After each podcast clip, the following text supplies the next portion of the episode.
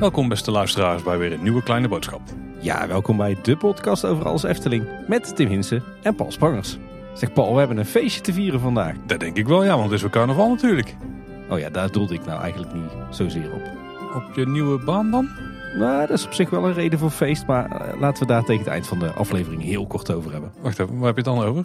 Ja, er zijn drie vette onderhoudsprojecten aangekondigd. Oh, wow. Dat was ook de snelste ezel in de geschiedenis van Kleine Boodschap, denk ik. Ja, dat denk ik wel. maar wel, wel een goede reden inderdaad. Ja, dat het wel waard. Ja, want de Vliegende Hollander krijgt een upgrade. Eh, de kleine zweefmolen wordt gerestaureerd.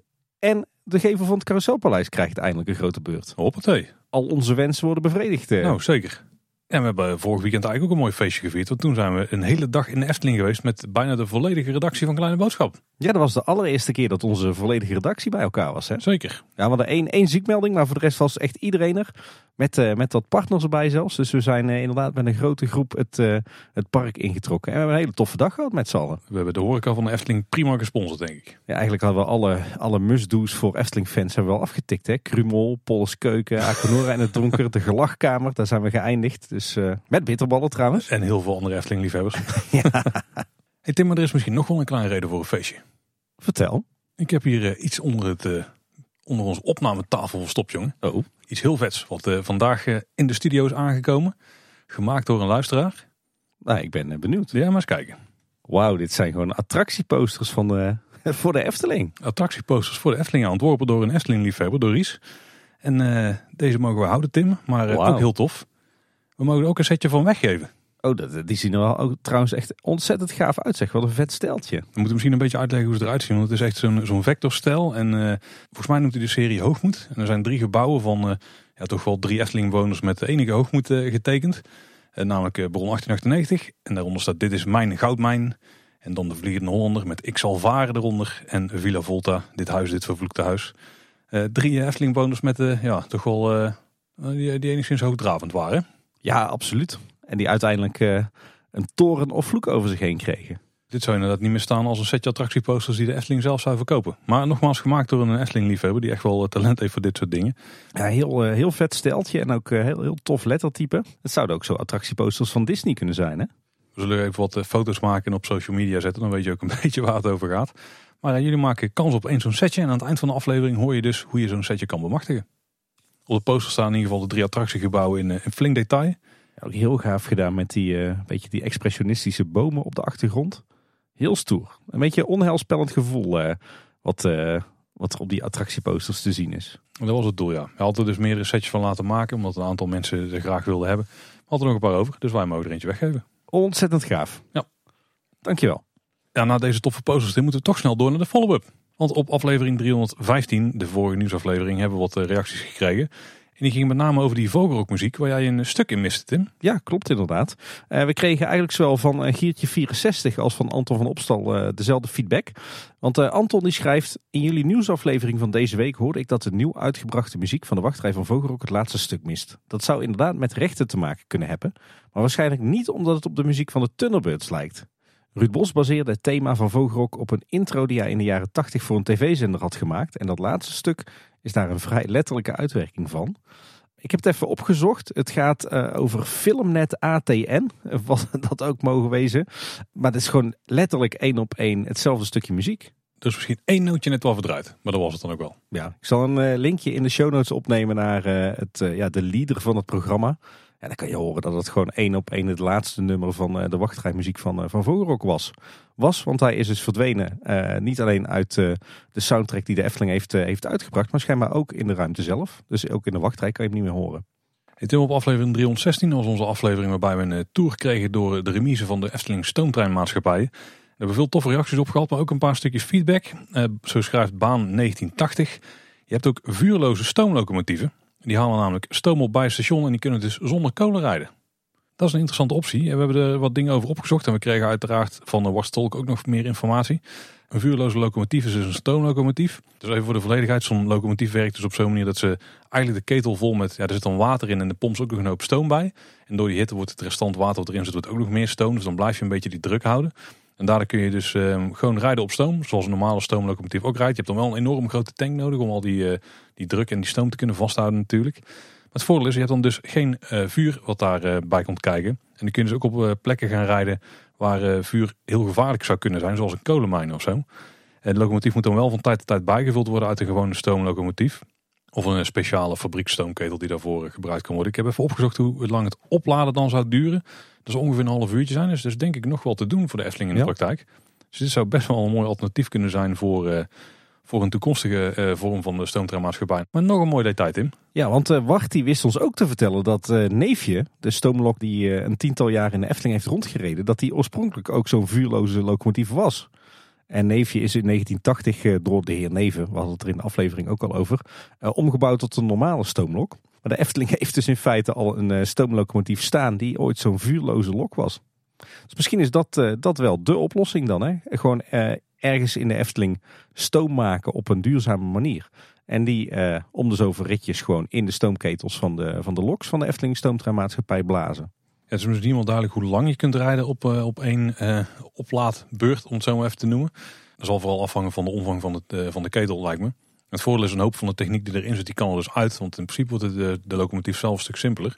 Dus je kunt wel vrij veel ruimte voor die ketel gebruiken, zeg maar. Dus dat is wel, dat is wel tof. Ja, dit zou echt wel een mooie manier kunnen zijn. Dan blijf je de stoom toch houden. De kolenlucht is al alleen weg. Dat is het enige.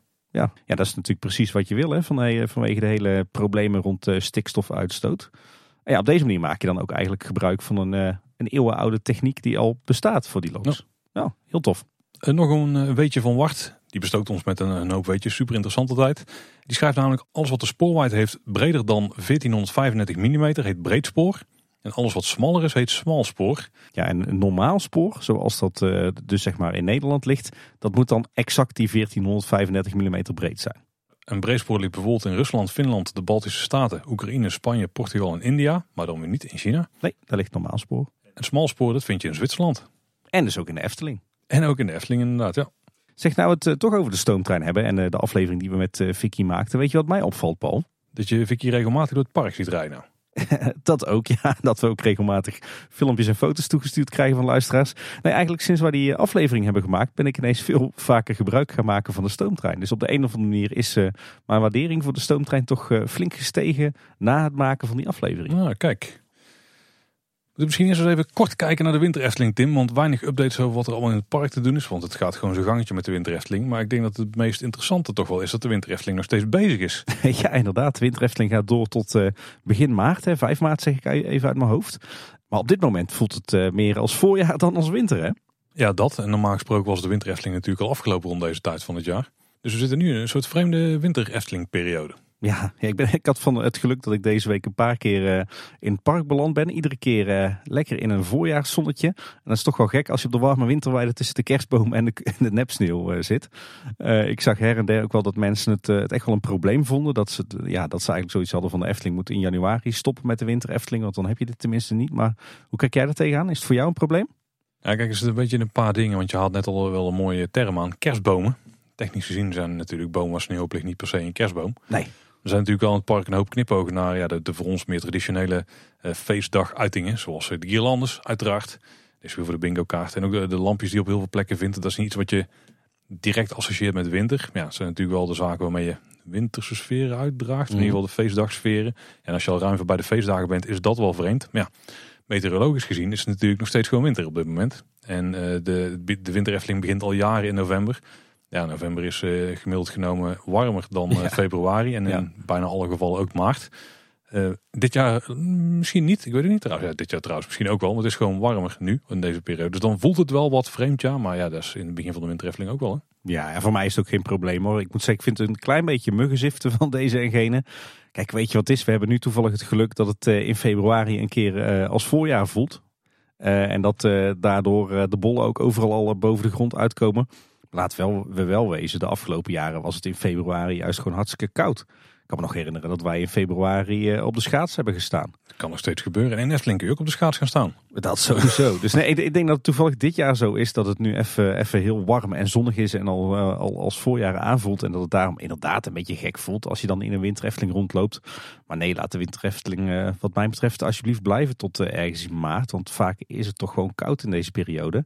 En anders is het ook echt zo'n periode waarin je niks hebt, weet je wel. Ik vind dat Winter Efteling eh, sausje wel echt even wat extra's geven aan die eh, anders zo saaie maanden. Dus nee, ik eh, moet zeggen, ik kan daar prima omheen kijken. En ja, op zich is het alleen maar, ook maar een pre dat je op dit moment nog steeds een kaneelbroodje kan krijgen, toch? Ja, dan kan in principe in maart nog een flink pak sneeuw vallen.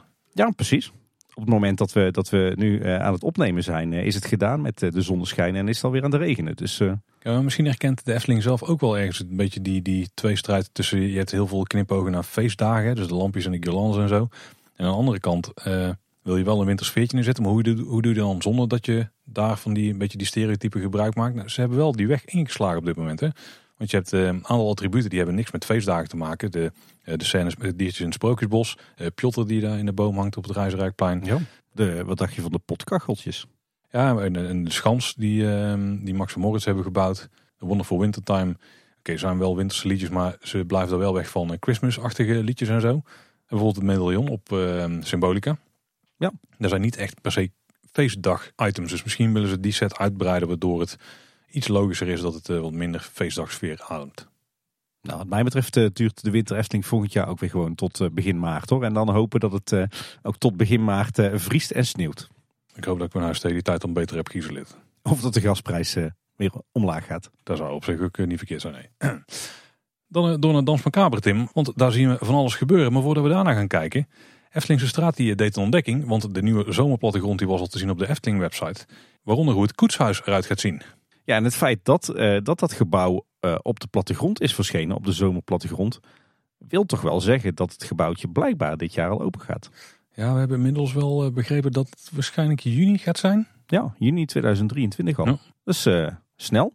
Dat is, eh, ja, dat is, ja, nou, hoewel, dat is nog een paar maanden, nog een maand of vier. Ja, maar vergis je niet hoeveel er nog moet gebeuren aan thematisering en inrichting en de Ja. techniek die daar nodig is. Er wo- wordt wel hard gewerkt hoor, maar nee, wel heel tof dat het gebouwtje al vooruitlopend op de attractie zelf open gaat. We kunnen in ieder geval op de plattegrond eens een beetje zien hoe het eruit ziet. Nou, het nadeel die plattegronden die het laten natuurlijk de situatie vanaf boven zien. Dus exacte details staan er niet op. Maar we kunnen dus wel zien dat eh, ja, het winkelgedeelte, en ook daar horen we inmiddels trouwens eh, verhalen over. Het zou een souvenirwinkel worden, dachten we initieel. Maar het lijkt nu misschien toch wel een horecapunt of zo te gaan worden. Ja, of in ieder geval een verkooppuntje van eten en drinken. In ieder geval wat duidelijk nog, maar aan de piranha kant. Dat is eigenlijk wat we zien op de, de eerste concept art, of die, die, die impressietekeningen, die, dit sfeerbeeld wat Jeroen had getekend. En daar zie je het koetshuis ook op. En die zien we ook op de plattegrond dat dat dus een stukje is wat hier komt te staan, met een ingestort dak, zo'n gebouwtje. En we zien op de plattegrond ook een afgebrokkelde schoorsteen. En we zien daar een grote vaandel op het dak staan. Die heeft dan om een of andere reden wel alles overleefd. Ja, het mooie is wel dat het gebouwtje is een beetje, beetje eh, donkergrijs bruinachtig, maar die schoorsteen die is dan juist weer helemaal eh, gestuukt en die lijkt eh, meer ja, beige te zijn, waardoor het die er echt uitspringt. Hè? Dan hebben we het gedeelte in het midden. Een beetje lastig te zien, want het lijkt wat donkergrijs bruin metselwerk te zijn met een dakrand van hout. Ook bruinig. Ja, dat is ook wat we op dit moment eh, in het, eh, in het park zien verrijzen. Hè? En hebben we natuurlijk tot slot nog eh, aan de, de kant van de toekomstige Dans Macabre hebben we nog de toiletgroep. Voor ons natuurlijk een hoogtepuntje.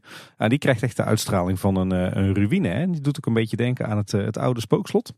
En het, ja, het grappige is eigenlijk alles wat we hier op, op die parkplattegrond zien, komt gewoon ja, eigenlijk één op één overeen met, met wat we op de impressie van Jeroen voor het koetshuis zagen. En wat we nu ook gebouwd zien worden in het park. Dus 1 en 1 en 1 is 3. En eh, ook heel interessant op die parkplattegrond is dat we daar zien dat het terras van het eh, voorheen het Silent Vergat ook echt gehandhaafd blijft. Dan zou het wel wat logischer maken als het die, wat wij dachten wat de souvenirwinkel zijn, dat het dan toch horeca wordt. Ja, ja, en we horen ook al wel geruchten dat, eh, dat de souvenirwinkel juist in het showgebouw zou komen te zitten. In plaats van de horeca, wat eerder het, het geval was. Dus dat is nog even, even spannend. Hopelijk krijgen we daar binnenkort wat meer over te lezen op de blog of te zien in de making-of. Ja, ik dacht eigenlijk dat is in het middelste gedeelte, wat nu volledig open is as we speak, eh, dat daar misschien een uitgiftebalie zou komen voor horeca. Want het zit dan ook aan de kant van het eh, terras. Dat, dat zou op zich logisch zijn, maar dat lijkt toch gewoon dichtgezet te worden. Als ik die plattegrond zo bestudeer, wat je er dan van kunt zien van dat stukje, wat niet heel veel is, dan lijkt die gewoon helemaal dicht te zijn van boven tot onder. Ja, ja, een tijdje geleden natuurlijk ook de nou, redelijk eh, suffe plattegrond gezien die bij de vergunningsaanvraag zat voor dit gebouwtje. Waarbij in het midden inderdaad ook allerlei dienstruimtes waren ingetekend. En ook die plattegrond komt één op één overeen met wat we nu op de parkplattegrond zien en in het park. Dus eh, ja, ik denk dat die indeling verder toch eh, ongewijzigd is. Dus dat dat middengebied ja, vooral uit de dienstruimtes eh, bestaat. Wel, wel fijn hè, dat dit binnenkort al open gaat. Hè, want dan kunnen de, kan die tijdelijke boelstoiletgroep kan weg. En dan hebben we hier Zo. tenminste weer horecaverkoop aan het Piranhaplein. Wat we natuurlijk ook wel missen. Ja, en die locatie is natuurlijk dan vlakke grond. Dan kunnen ze mooi terras uitbreiden die kant op. Of een paar boompjes planten. Dat is ook niet verkeerd zijn. Dan weet je het zicht ontnemen en misschien ook wat geluid van Max en Morris. Ja. Zou geen kwaad kunnen. Overigens vond ik het wel opvallend om te zien dat, eh, dat de souvenirwinkel of de horecaverkoop, afhankelijk van wat het eh, nu uiteindelijk gaat worden, dat hij echt wel dat eh dans macabre steltje heeft hè, met dat vervallen koetshuis. Terwijl het wel echt aan het Piranhaplein ligt. Dus waar begint nou het Huiverwoud straks? Ja, dat is een goed punt. Hmm. Want eerder hadden we zoiets van, is dit misschien het over, de overgang tussen twee werelden? Tussen de wereld van de Piranha en het Huiverwoud. Maar ja, het hele gebouw heeft toch die Huiverwoud uitstraling. Dat is een goed punt. Ja, het is niet dat ze de ene kant anders thematiseren dan de andere op basis van de plattegrond. Hm. Ik denk dat het eeuwig onduidelijk gaat blijven. Nou, een paar maanden. Ja, maar dan is er een situatie die nog steeds niet heel duidelijk maakt waar het begint en waar het eindigt. Als we ooit nog eens een interviewtje over dit eh, project kunnen houden met eh, bijvoorbeeld Jeroen Verheij, dan gaan we het hem zeker vragen. En we gaan eens kijken in het park zelf, want daar zijn ze natuurlijk flink aan het bouwen. Eh, dan beginnen we dus met het koetshuis, of in ieder geval, het zou het koetshuis dan maar een deel van het geheel zijn, dat denk ik eigenlijk. Ik denk alleen dat het koetshuis het stuk is wat het dichtste bij Piranha ligt. Ja, dat dat gewoon de naam wordt van eh, het horecapunt. Bijvoorbeeld, ja. ja, ja. Eh, dan eh, zien we daar dat ze die kalkzandsteen waar dus de binnenmuren van zijn gebouwd, die hebben ze volledig op hoogte gebracht. Ja. Daarna hebben ze een hoop isolatie aangebracht in de spouwmuur. En we zijn begonnen met het metselwerk aan de buitenrand. Een beetje zo'n bruin, bruin-grijze steen die we ook zagen op de, de testwanden. En die zijn eigenlijk ook bijna op hoogte. Sterker nog, ik denk dat tegen de tijd dat de aflevering uitkomt, dat dat misschien wel het geval kan zijn. Ja, trouwens ook mooi is eh, om te zien in het eh, metselwerk is dat er een aantal plekken zijn waar we straks eh, een grote dubbele deuren krijgen. En daar hebben ze met, met diezelfde bakstenen ook hele mooie rollagen gemetseld. Dus zeg maar een beetje die, die boog van metselwerk die dan boven het kozijn komt te zitten. Heel vrij uitgevoerd. En ook dat komt weer prachtig overeen met, met die impressietekening die we van het, van het koetshuis hebben gezien eerder. In die tekening zaten de kozijnen veel dichter tegen elkaar aan. Hier zit er best wel wat ruimte tussen. Dus details, details. Ja, Maar- ja, dat zijn natuurlijk wel de, de zaken die, eh, die nog aangepast worden tussen een, eh, een A-fase en een eh, B- of een C-fase. maar die tekening, Tim, die was natuurlijk, Puur ter impressie. dat wou ik zeggen. Ik zit net trouwens al te, te, te bedenken, als de toiletgroep toch zo'n spookslotachtige ruïne wordt, dan passen daar die gevelstenen van de oude toiletgroep van het spookslot daar natuurlijk ook perfect in. Oeh, maar die zouden dan ook binnenkort moeten gaan zien verschijnen. Of zouden ze naar de rand erop plakken? Of zouden ze echt gewoon gevelstenen maken die ze erin zetten? Nou, ik denk dat die wel van kunststof zijn. En daar gaan ze dan tegenaan stukken. Dus ik denk dat ze die dan zeg maar op het metselwerk gaan schroeven voordat ze beginnen met stukken. Dan gaan we ze binnenkort zien.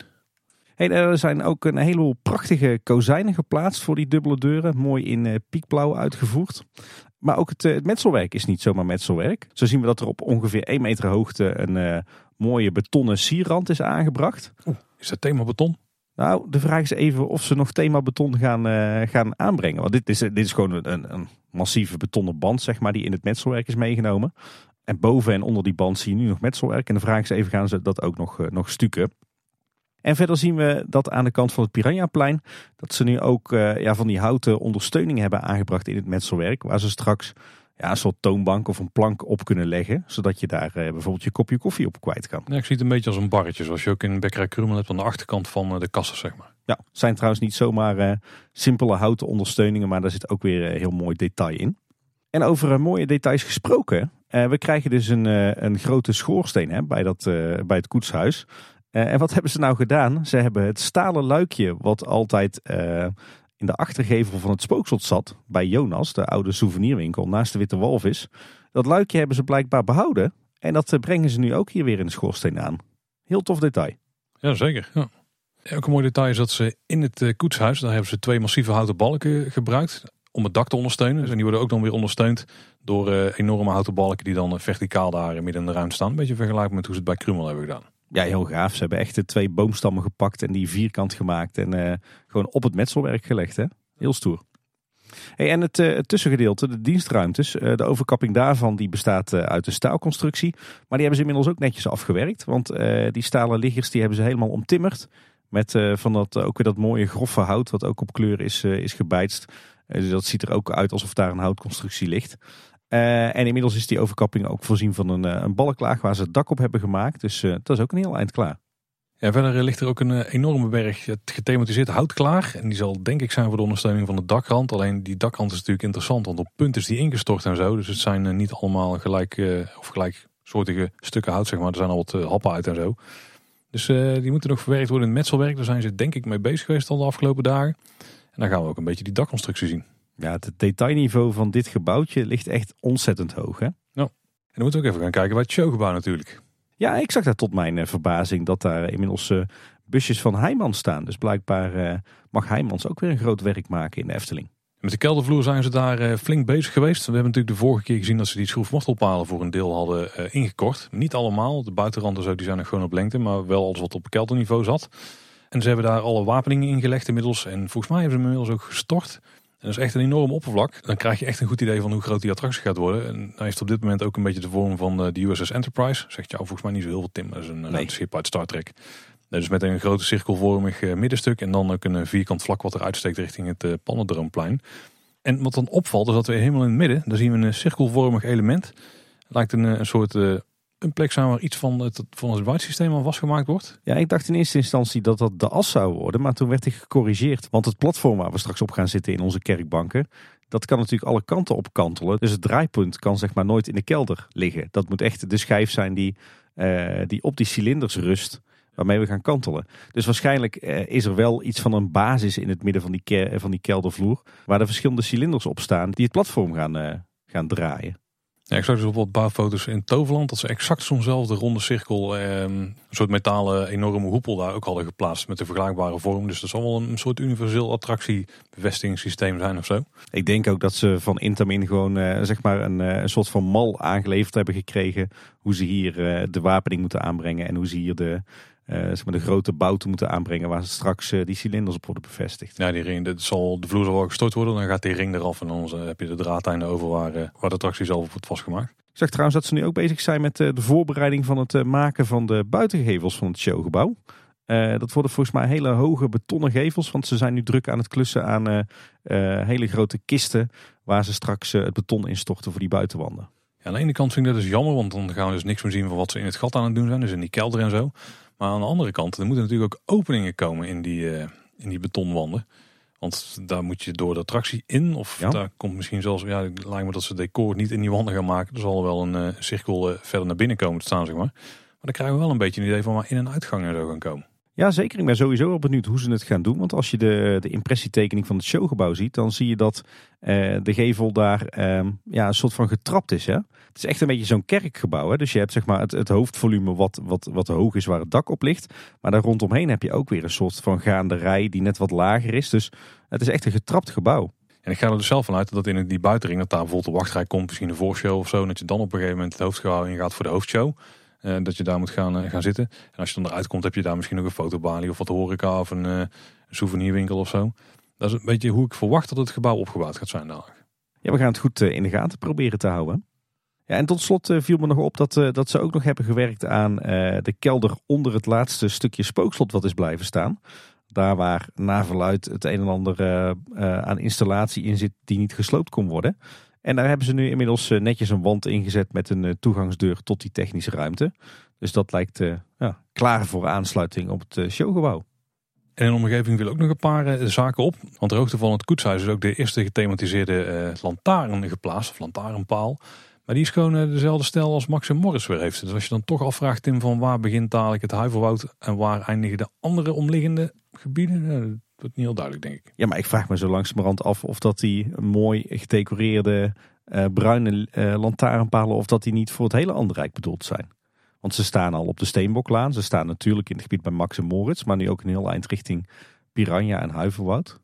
Zou een beetje, een beetje universeel zijn of zo. Als je het over immersieve themawerelden hebt, dan past er natuurlijk niet echt als lantaarns overal hetzelfde zijn. Nee. nee, ik had eerlijk gezegd bij Huiverwoud ook meer echte zwarte lantaarns met, uh, met uh, een beetje melkglas en dan flakkerende vlammetjes ja. erin of zo. Echt van die lantaarns die je op een kerkhof in de 19e eeuw zou aantreffen. Die had ik hier wel verwacht, of daar hoopte ik eigenlijk op.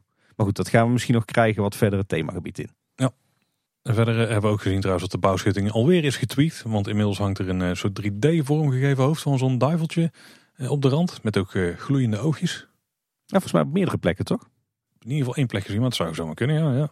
Ja, ja, ook weer een heel tof detail. Echt gaaf dat ze zo ver gaan in het aankleden van een bouwschutting. Als we het dan toch hebben over bouwschuttingen. Er staat nog ergens een flink in het park. Namelijk rondom het Efteling Grand Hotel bouwterrein. En bouwmeester Big die komt er ook volop terug. En daar hebben ze ook flink lopen tweaken. Want uh, op de bouwschuttingen aan de kant van de spoorlijn heb je nu een extra themabestikkering met de, de bouwfoto's tussen airquotes van bouwmeester Big. En die, die zijn uiteraard vanaf over heel de wereld. Maar misschien nog grappiger is het foutje wat in die bestikkering is geslopen. Ja, want op de schutting kun je nu ook het een en ander lezen over het, het hotel wat daar verrijst. Hebben ze allerlei facts en figures opgesomd. Um, en die zijn mooi in vier talen uh, uitgelegd. Althans, dat was de bedoeling.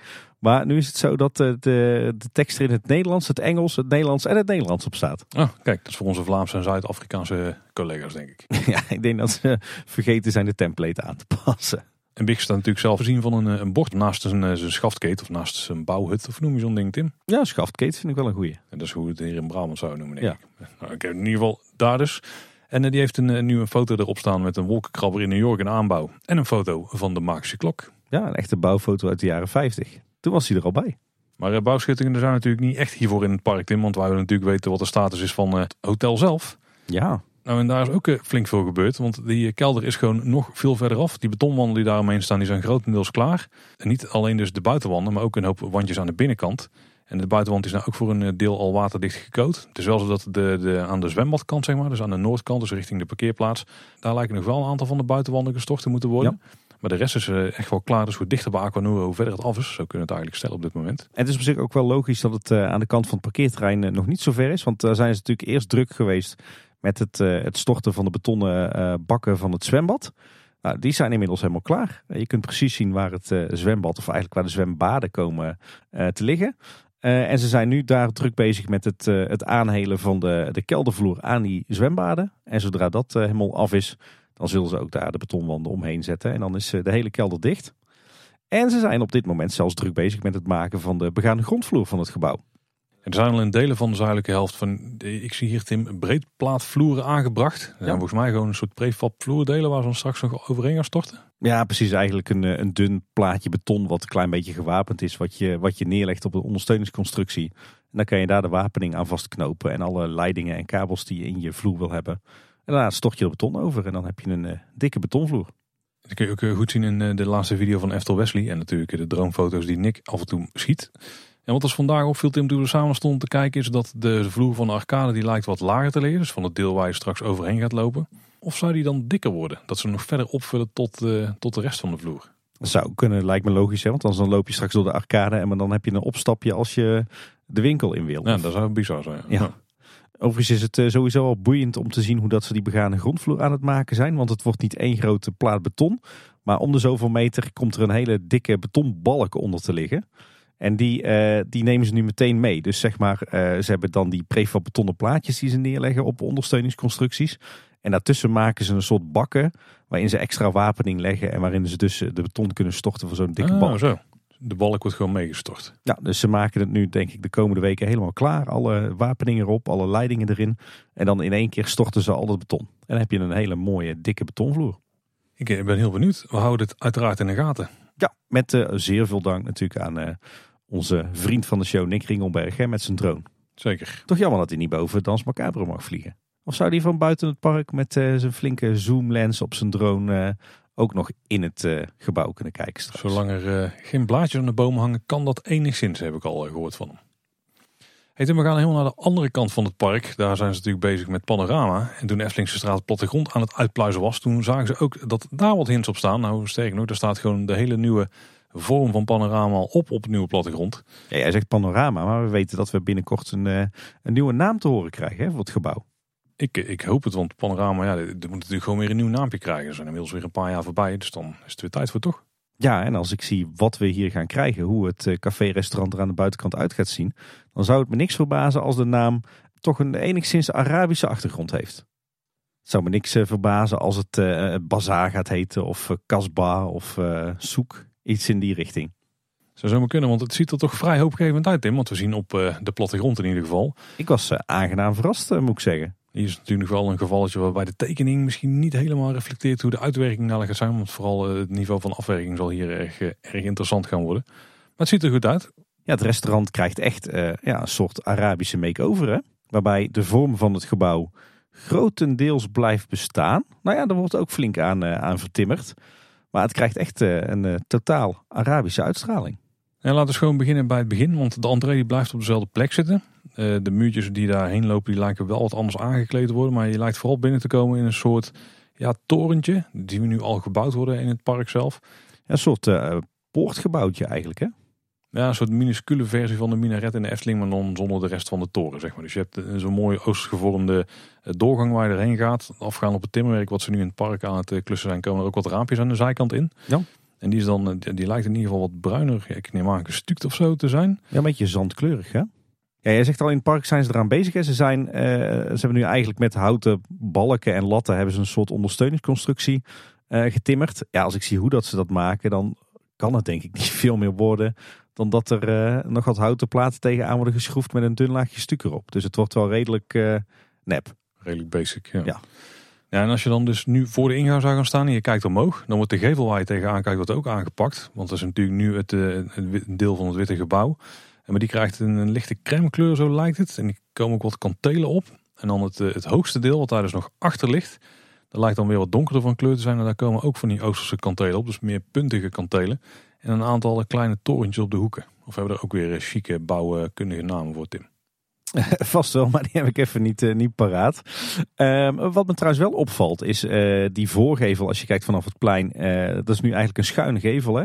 Het hoogste punt heb je zeg maar aan de kant van de siervijver. En dat loopt richting Vogelrok, loopt het een beetje naar beneden. Maar ze gaan daar dus een extra gevel tegenaan plakken. Want die is meer vierkant. Dus die schuinte die gaat er zeg maar uit. Ja, hetzelfde doen ze eigenlijk dus bij het allerhoogste gedeelte, wat verder naar achter, uh, wat nog verder naar achter in het gebouw zit. Ja, wat ik verder gewoon mooi vind om te zien is dat, uh, dat de deuren en ramen zoals die nu in het gebouw zitten, die blijven behouden. Maar uh, daar worden ook andere kozijnen tegen aangeplakt. Uh, en die krijgen dan die Arabische uitstraling. Hè? Dus met die, die ui-vorm en die, die spits toelopende vorm. En op het terras bovenop het panorama, of hoe het dan vandaag ook mag heten, daar worden banieren geplaatst. Met de donkergroene doeken eraan, zo lijkt het. En het valt me ook op dat uh, de uitbouw die aan het, zeg maar aan het nieuwe deel, nieuwe terrasdeel is geplaatst, die nu nog wit is. Die pergola, dat die wat meer houtskleur lijkt te krijgen. Die wordt misschien gestript of opnieuw gebuitst of zo. Ja, zou kunnen. Maar misschien het meest in het oog springen, Tim, dat vinden we toch aan eh, de terraskant van Panorama zelf. Dus aan de, de kant die richting uh, de wereld van Simbad wijst. Ja, want het, het, terras, dat uh, wordt echt volledig verbouwd. Hè. Dat komt er heel anders uit te zien. Nou zijn er natuurlijk al die windschermen met Joki erop, die zijn gesloopt. En zo'n beetje alle andere inrichting van het terras.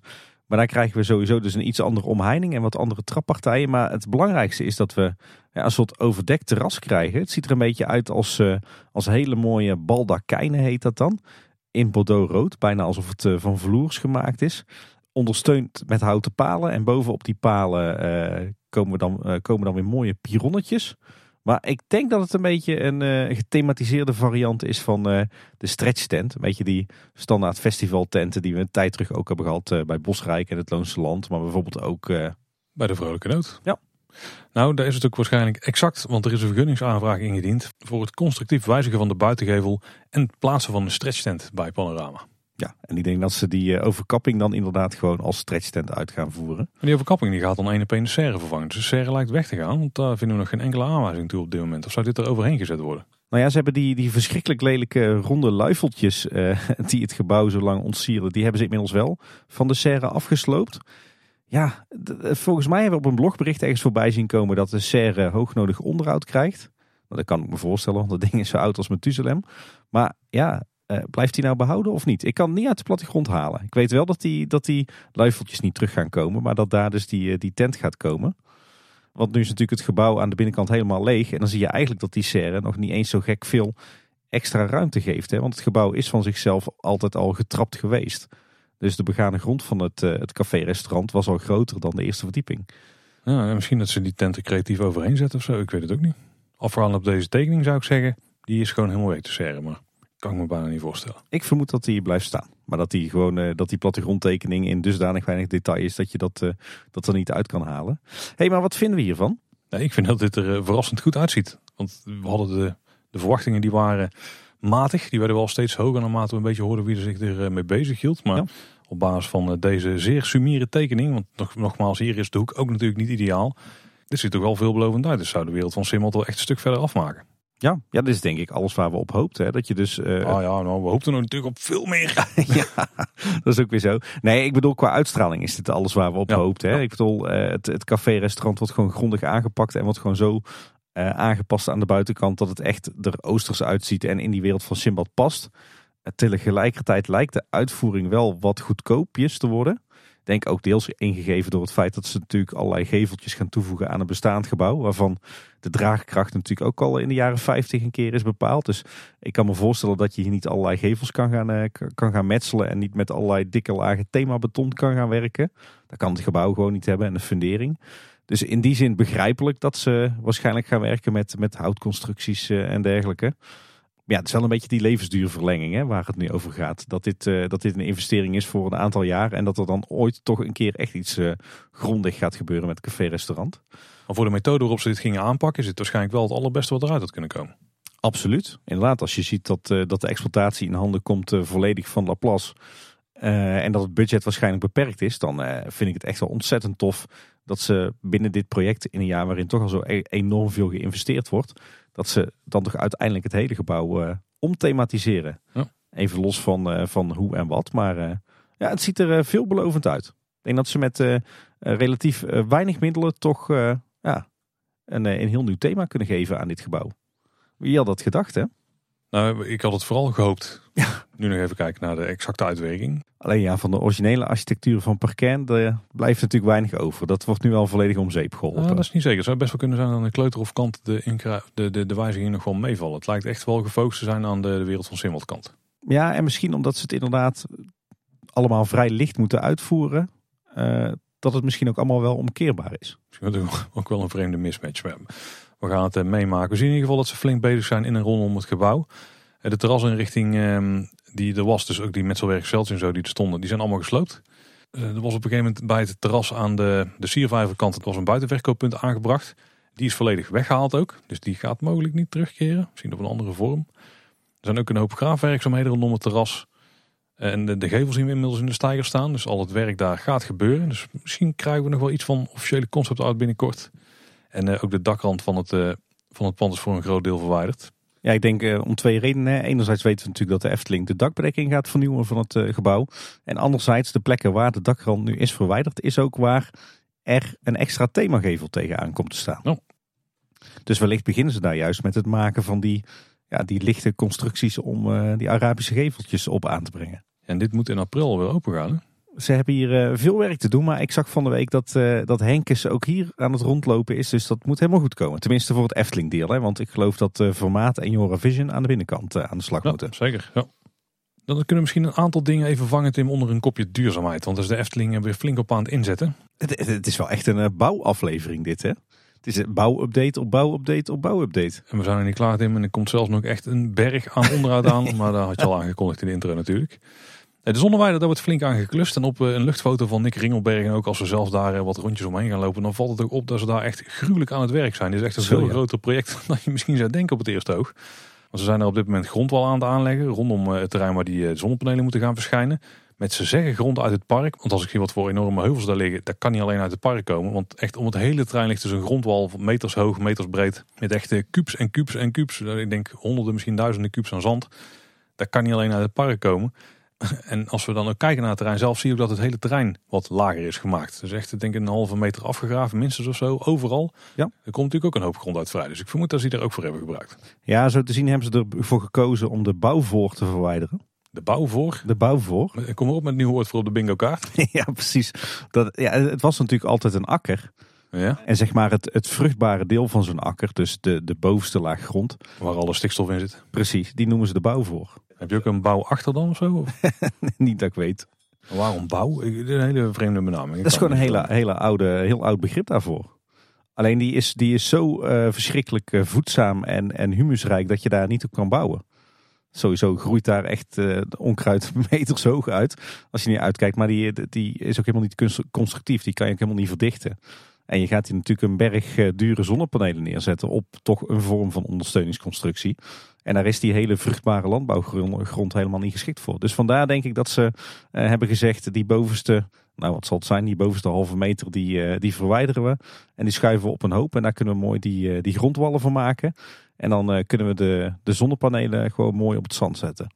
Ja, maar even voor de volledigheid, het is echt een gigantisch terrein. Hè? Het bouwoppervlak wat ze zeg maar hadden uh, als impressie op die tekening hadden gezet, op die concept art. Dit is nog veel groter dan wat daarop stond. Ja. Uh, en het is ook veel grilliger gevormd. Het is niet zo'n mooi vierkantje zoals het daar op die tekening leek. Maar er zit echt wel wat, uh, ja, het loopt echt meer richting de kern van Kaatsheuvel. Je ziet er echt een kadastrale kaart in terug hè? Ja, letterlijk. Ja. ja, dat is precies. Ja, je kan straks echt perfect zien met de luchtfoto hoe, het, hoe die lijnen of de, de grenzen van het Efteling terrein eigenlijk lopen. Viel me wel op dat die grondwallen echt bij een aantal boerderijen die, die aan de kant van Kaatsheuvel liggen, dat die bijna tot in de achtertuin lopen. Ja, die lopen echt gewoon tot de rand van het, uh, ja, van het gebied heen. Maar dat is ook wat letterlijk in het bestemmingsplan staat natuurlijk. Dus dat mag ook. En dan komt daar ook wat mooie groen en zo op te staan. Als je daar langs loopt, nou, dan denk je echt van wow, zijn ze hier aan het sjouwen? Ja, dan komt een zonnepanelenpark. Of een zonneweide. Op zich wel opvallend dat ze uh, P3, zeg maar het overloopparkeerterrein aan de Dodenauweg, dat ze daar maar aan één kant een, een grondwalletje hebben gemaakt. Maar dat ze hier echt het volledige terrein omzomen met die grondwallen. Ja, en het stomme is dat de kant waar de grondwal ligt bij P3 is de kant richting de Efteling toe. Ja. Iemand die daarop kijkt. Zou, zouden ze gewoon ervoor willen zorgen dat niemand gaat klagen over het, het zicht op die zonnepanelen vanuit het dorp? Ja, ik, ik, heb geen idee. Ja, ik denk dat het met die zonnepanelen wel is. Want als je gewoon op straatniveau bent, dan ga je er straks echt niks van zien. Want die vallen allemaal weg achter die wallen.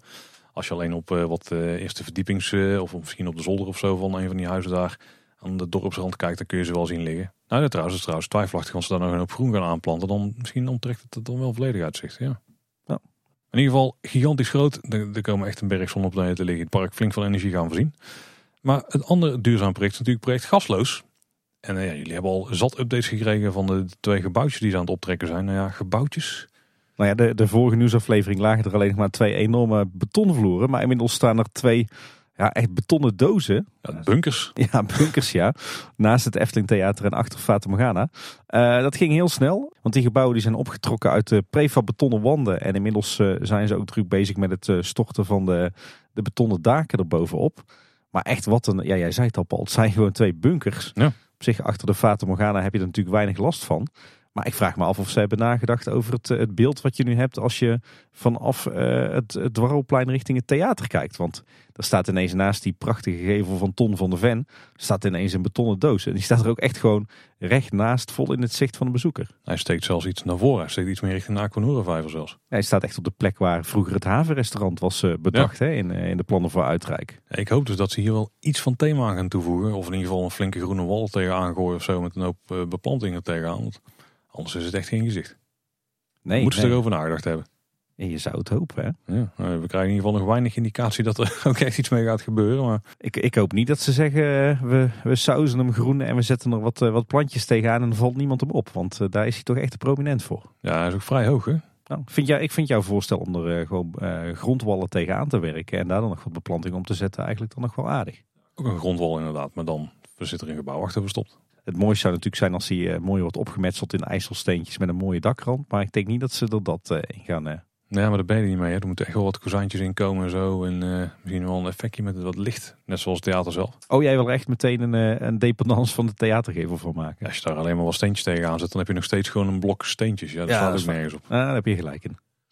Nou, laten we hopen dat ze het kunnen verstoppen achter een grondwal. Op zich is het gebouw er sterk genoeg voor. Maar daar komt dus ook een berginstallatie in te zitten. Om al die bodemwarmte en bodemkoelte te verspreiden over het hele Anderrijk. Ja. ja, en dan Tim, het nieuws waar we 16 jaar op hebben gewacht. Zo ja. Er komt een, wat mij betreft, flinke aanpassing aan de Vliegende Hollander. Ja, noem het maar een upgrade, toch? Dat is wel een upgrade te noemen, ja. Want uh, de encounter scène is natuurlijk de scène wanneer je uit de mistbank komt en dan een opzwellende muziek hoort. En uh, waar je dan voorheen richting een watergordijn ging, waar je dan een projectie van de Vliegende Hollander het schip dan dus opzag. Waarna je dus het schip zag opdoemen. Heel die scène die krijgt een flinke upgrade. Want het projectieeffect en het regengordijn, dat gaat er dus verdwijnen. Ja. Maar er komt een kerkhof voor terug met de vervallen scheepswrakken. Met erop boegbeelden. Wauw. De boegbeelden volgens mij. De boegbeelden, ja. Ja, wat een tof nieuws zeg. We hoorden natuurlijk al langer geluiden dat er iets heel moois zou gaan gebeuren bij uh, dit winteronderhoud van de Vliegende Hollander. Maar uh, ja, hier had ik niet op durven hopen. We roepen eigenlijk al jaren dat, dat er best nog veel onbenutte potentie in de Vliegende Hollander zit. En als ik kijk wat hier gaat gebeuren, dan denk ik, ja, dan wordt echt die potentie ten volle benut. Voor deze scène zeker, ja. Het mooie is, de Efteling schrijft er zelf over, ze hebben hier een uitgebreid blogbericht over geplaatst. Dat een van de redenen voor de vervanging ook is dat er heel veel onderhoud moest plaatsvinden aan het regengordijn. Dus het verwijderen daarvan zou de attractie meer bedrijfszeker moeten maken. In ieder geval wat betreft effect en zo die we gaan zien. Dus dat is al een, een goede upgrade. Karel Willem die is uh, verantwoordelijk, de originele ontwerper van de attractie. Heel tof. Dat is ook tof, ja. Ja, en ook heel tof dat ze eindelijk die, uh, die prachtige boegbeelden die ooit al eens gemaakt zijn voor de Vliegende Hollander, dat die uh, nu toch uit de opslag komen en een plaatsje gaan krijgen in de attractie. Want die, die beelden, ja, ik heb er oog in oog mee gestaan in het verleden, die zijn echt prachtig en heel indrukwekkend. Dus heel tof dat, dat die gebruikt gaan worden. ik begreep wel, het ging niet alleen om het onderhoud wat het regengordijn toch nodig heeft, maar ook het feit dat er toch geregeld een storing was waardoor het niet uitging als er een boot onderdoor voer. Nou, dan heb je zeiknatte bezoekers, dat wil je natuurlijk ook niet. En het feit dat die, die hele scène, dat hele deel van het gebouw, dat het altijd zeik en zeiknat was. Waardoor je natuurlijk ook weer problemen krijgt met vocht, met roest, met schimmel. Dus door nu het regengordijn eh, gewoon eh, te verwijderen uit die scène, denk ik dat je niet alleen de onderhoudskosten van het regengordijn zelf bespaart, maar ja, gewoon dat die hele scène gewoon veel onderhoudsvriendelijker wordt. Ja. Als we eigenlijk niet gaan aanpassen, dat is de muziek. Want we zijn samen met René de tractie nog eens ingedoken. Maar als daar dus het regengordijn niet aanstaat, dan hoor je die muziek juist heel goed. Terwijl in het verleden het kletteren van het regengordijn eh, de audio een beetje overstemde. Dus ja, de muziek die er al was, die past enorm goed bij de nieuwe scène die we voor ogen hebben. En ze hebben die blijkbaar zelfs als basis gebruikt voor eh, wat er allemaal gaat gebeuren. Want hebben we niet eens echt goed beschreven, Tim. Er komt dus een, uh, een scheepskerkhof daar. Want, maar wat we daar dus gaan krijgen is dat als we de mistbank uitvaren, dan zien we dus in het donker wat drijvend wrakhout, wat tonnen en kisten. Dus ik stel me voor dat die echt los drijven in het water. Met erop wat uh, ratten die op miraculeus hebben weten te overleven op open zee. Al decennia lang mogelijk. En dan vindt er een blikseminslag plaats, meerdere mogelijk zelfs wel. En het water spat dan meters omhoog. En in die korte bliksemflits die we dan hebben, dan zien we de scheepswrakken en die boegbeelden om ons heen. En dan blijkt dus dat we in het scheepskerkhof al varen. En wat meerdere blikseminslagen die nog volgen, die tonen dan meer wrakken en de boegbeelden. En die, die lijken ons ook toe te zingen. Dat horen we al een beetje in de muziek wel op dat moment. Hè? Ja, gaan er dan toch wat, nog wat aanpassingen in de soundscape plaatsvinden? Nou, het zit er al een beetje in, toch, in de muziek daar? Ja, dat is waar. We moeten het uh, denk ik zelf gaan ervaren op, uh, vanaf 1 april. Ja, vooral daar. En, en vandaag gaat hij alweer open? Ja, ook alweer snel. Ja, ik zit hier de impressie te bekijken. De impressietekening die we kunnen vinden in het blogbericht. We zullen er ook naar linken in de show notes. Maar het, ziet er qua sfeer ook wel heel gaaf uit. Hè? Nou is er, deze impressie is volgens mij uh, bewust in, uh, in zwart-wit opgezet of in grijs tinten. Maar misschien is dit ook al een beetje de kleurstelling straks in die scène. Heel gaaf om te zien dat we ja, volgens mij uh, links één en rechts twee scheepswrakken gaan zien. Met daaraan dus drie boegbeelden. Met van die hele mooie, ja, bijna engelenvleugels eraan. Uh, en inderdaad, het, het wordt een hele volle scène met allemaal kisten en tonnen die in het water drijven.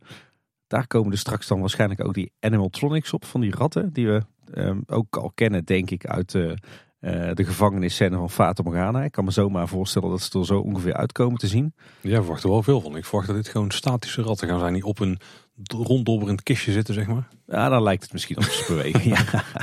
En dan inderdaad uh, toch, uh, toch wat mist nog. En die bliksemeffecten, water wat opspat. Ja, dit, dit wordt heel gaaf. Ja, ik ga ervan uit dat er wel plofpot of zo komen die dan het water laten opspatten. Ik ben heel benieuwd. Zit al in die scène, hè? Oh, dat klopt, ja. ja. Nou, maar dat ze dus op een manier daar een bliksemeffect gaan laten doen. Ik hoop dat we ook echt bliksemschichten gaan zien. Maar daar is misschien een beetje veel gevraagd. Want projectoren in die ruimte hebben ze ook niet de beste ervaring mee. Maar misschien omdat die altijd zo vochtig werden. Ja. Dat valt dan wel mee, hoop ja. ik, in deze situatie. En wat ze ook heel slim gedaan lijkt te hebben, is dat je heel veel masten en zo hebt die door de scène heen steken, waar dan nog restanten aan hangen van zeilen. En die kun je natuurlijk een beetje het zicht laten ontnemen van de doos die om je heen bevindt. Ja, ja, ja, Ik denk dat dat een beetje de, uiteindelijk de grote truc gaat zijn van deze scène. Dat het daardoor echt, echt voelt dat je midden in een, een kerkhof zit of open zee. Ja, en daardoor zijn die scheepswrakken ook meer dan uh, gewoon een paar, uh, paar houten balken uh, met het planken eraan. Ja, nou zeker. Ja, ziet er echt heel gaaf uit. Ik ben vooral benieuwd naar die, naar die boegbeelden.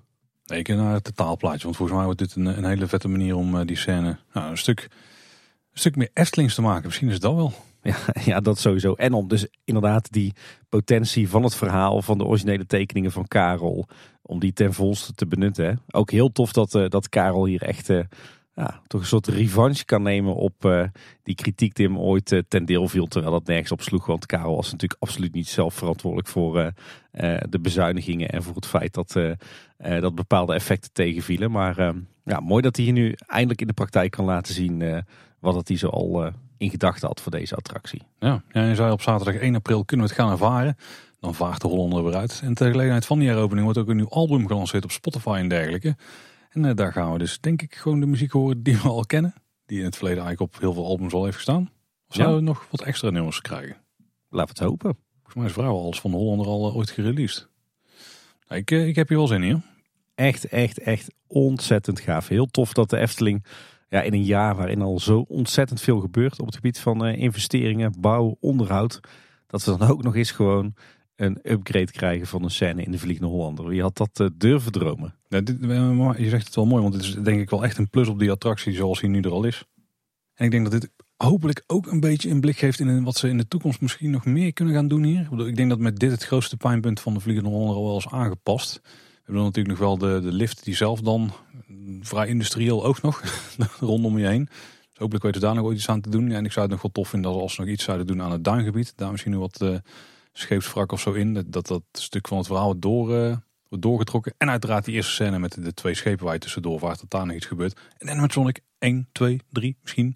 Maar minimaal. Het zou heel vet zijn om wat levendigheid eraan te brengen. Maar ik denk dat dan de Hollander eigenlijk wel is waar het zou moeten zijn. Hoor. Zo heel veel meer heeft het niet nodig. Hè?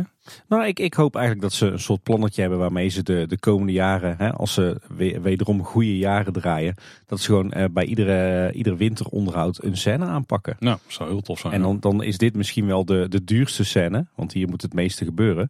Maar wat jij zegt, uh, in een aantal andere scènes kan je met, uh, met misschien wat minder financiële middelen ook een enorme kwaliteitsimpuls geven. Dus ontzettend gaaf. Nou, dat is nog een punt in de Efteling waar ze tijdens het onderhoud uh, mogelijk een kwaliteitsimpuls gaan geven. Namelijk bij de restauratie van de kleine zweefmolen. Ja, dat was er eentje die wij ook al een beetje voorspeld hadden. Hè? Meermaals volgens mij zelfs. Basis van de geruchten en vergunningsaanvragen. En ook de staat van het, het apparaat in het park. Ja, want de kleine zweefmolen die wordt binnenkort volledig gerestaureerd. En daarmee in oude glorie hersteld, zoals de Efteling zelf schrijft.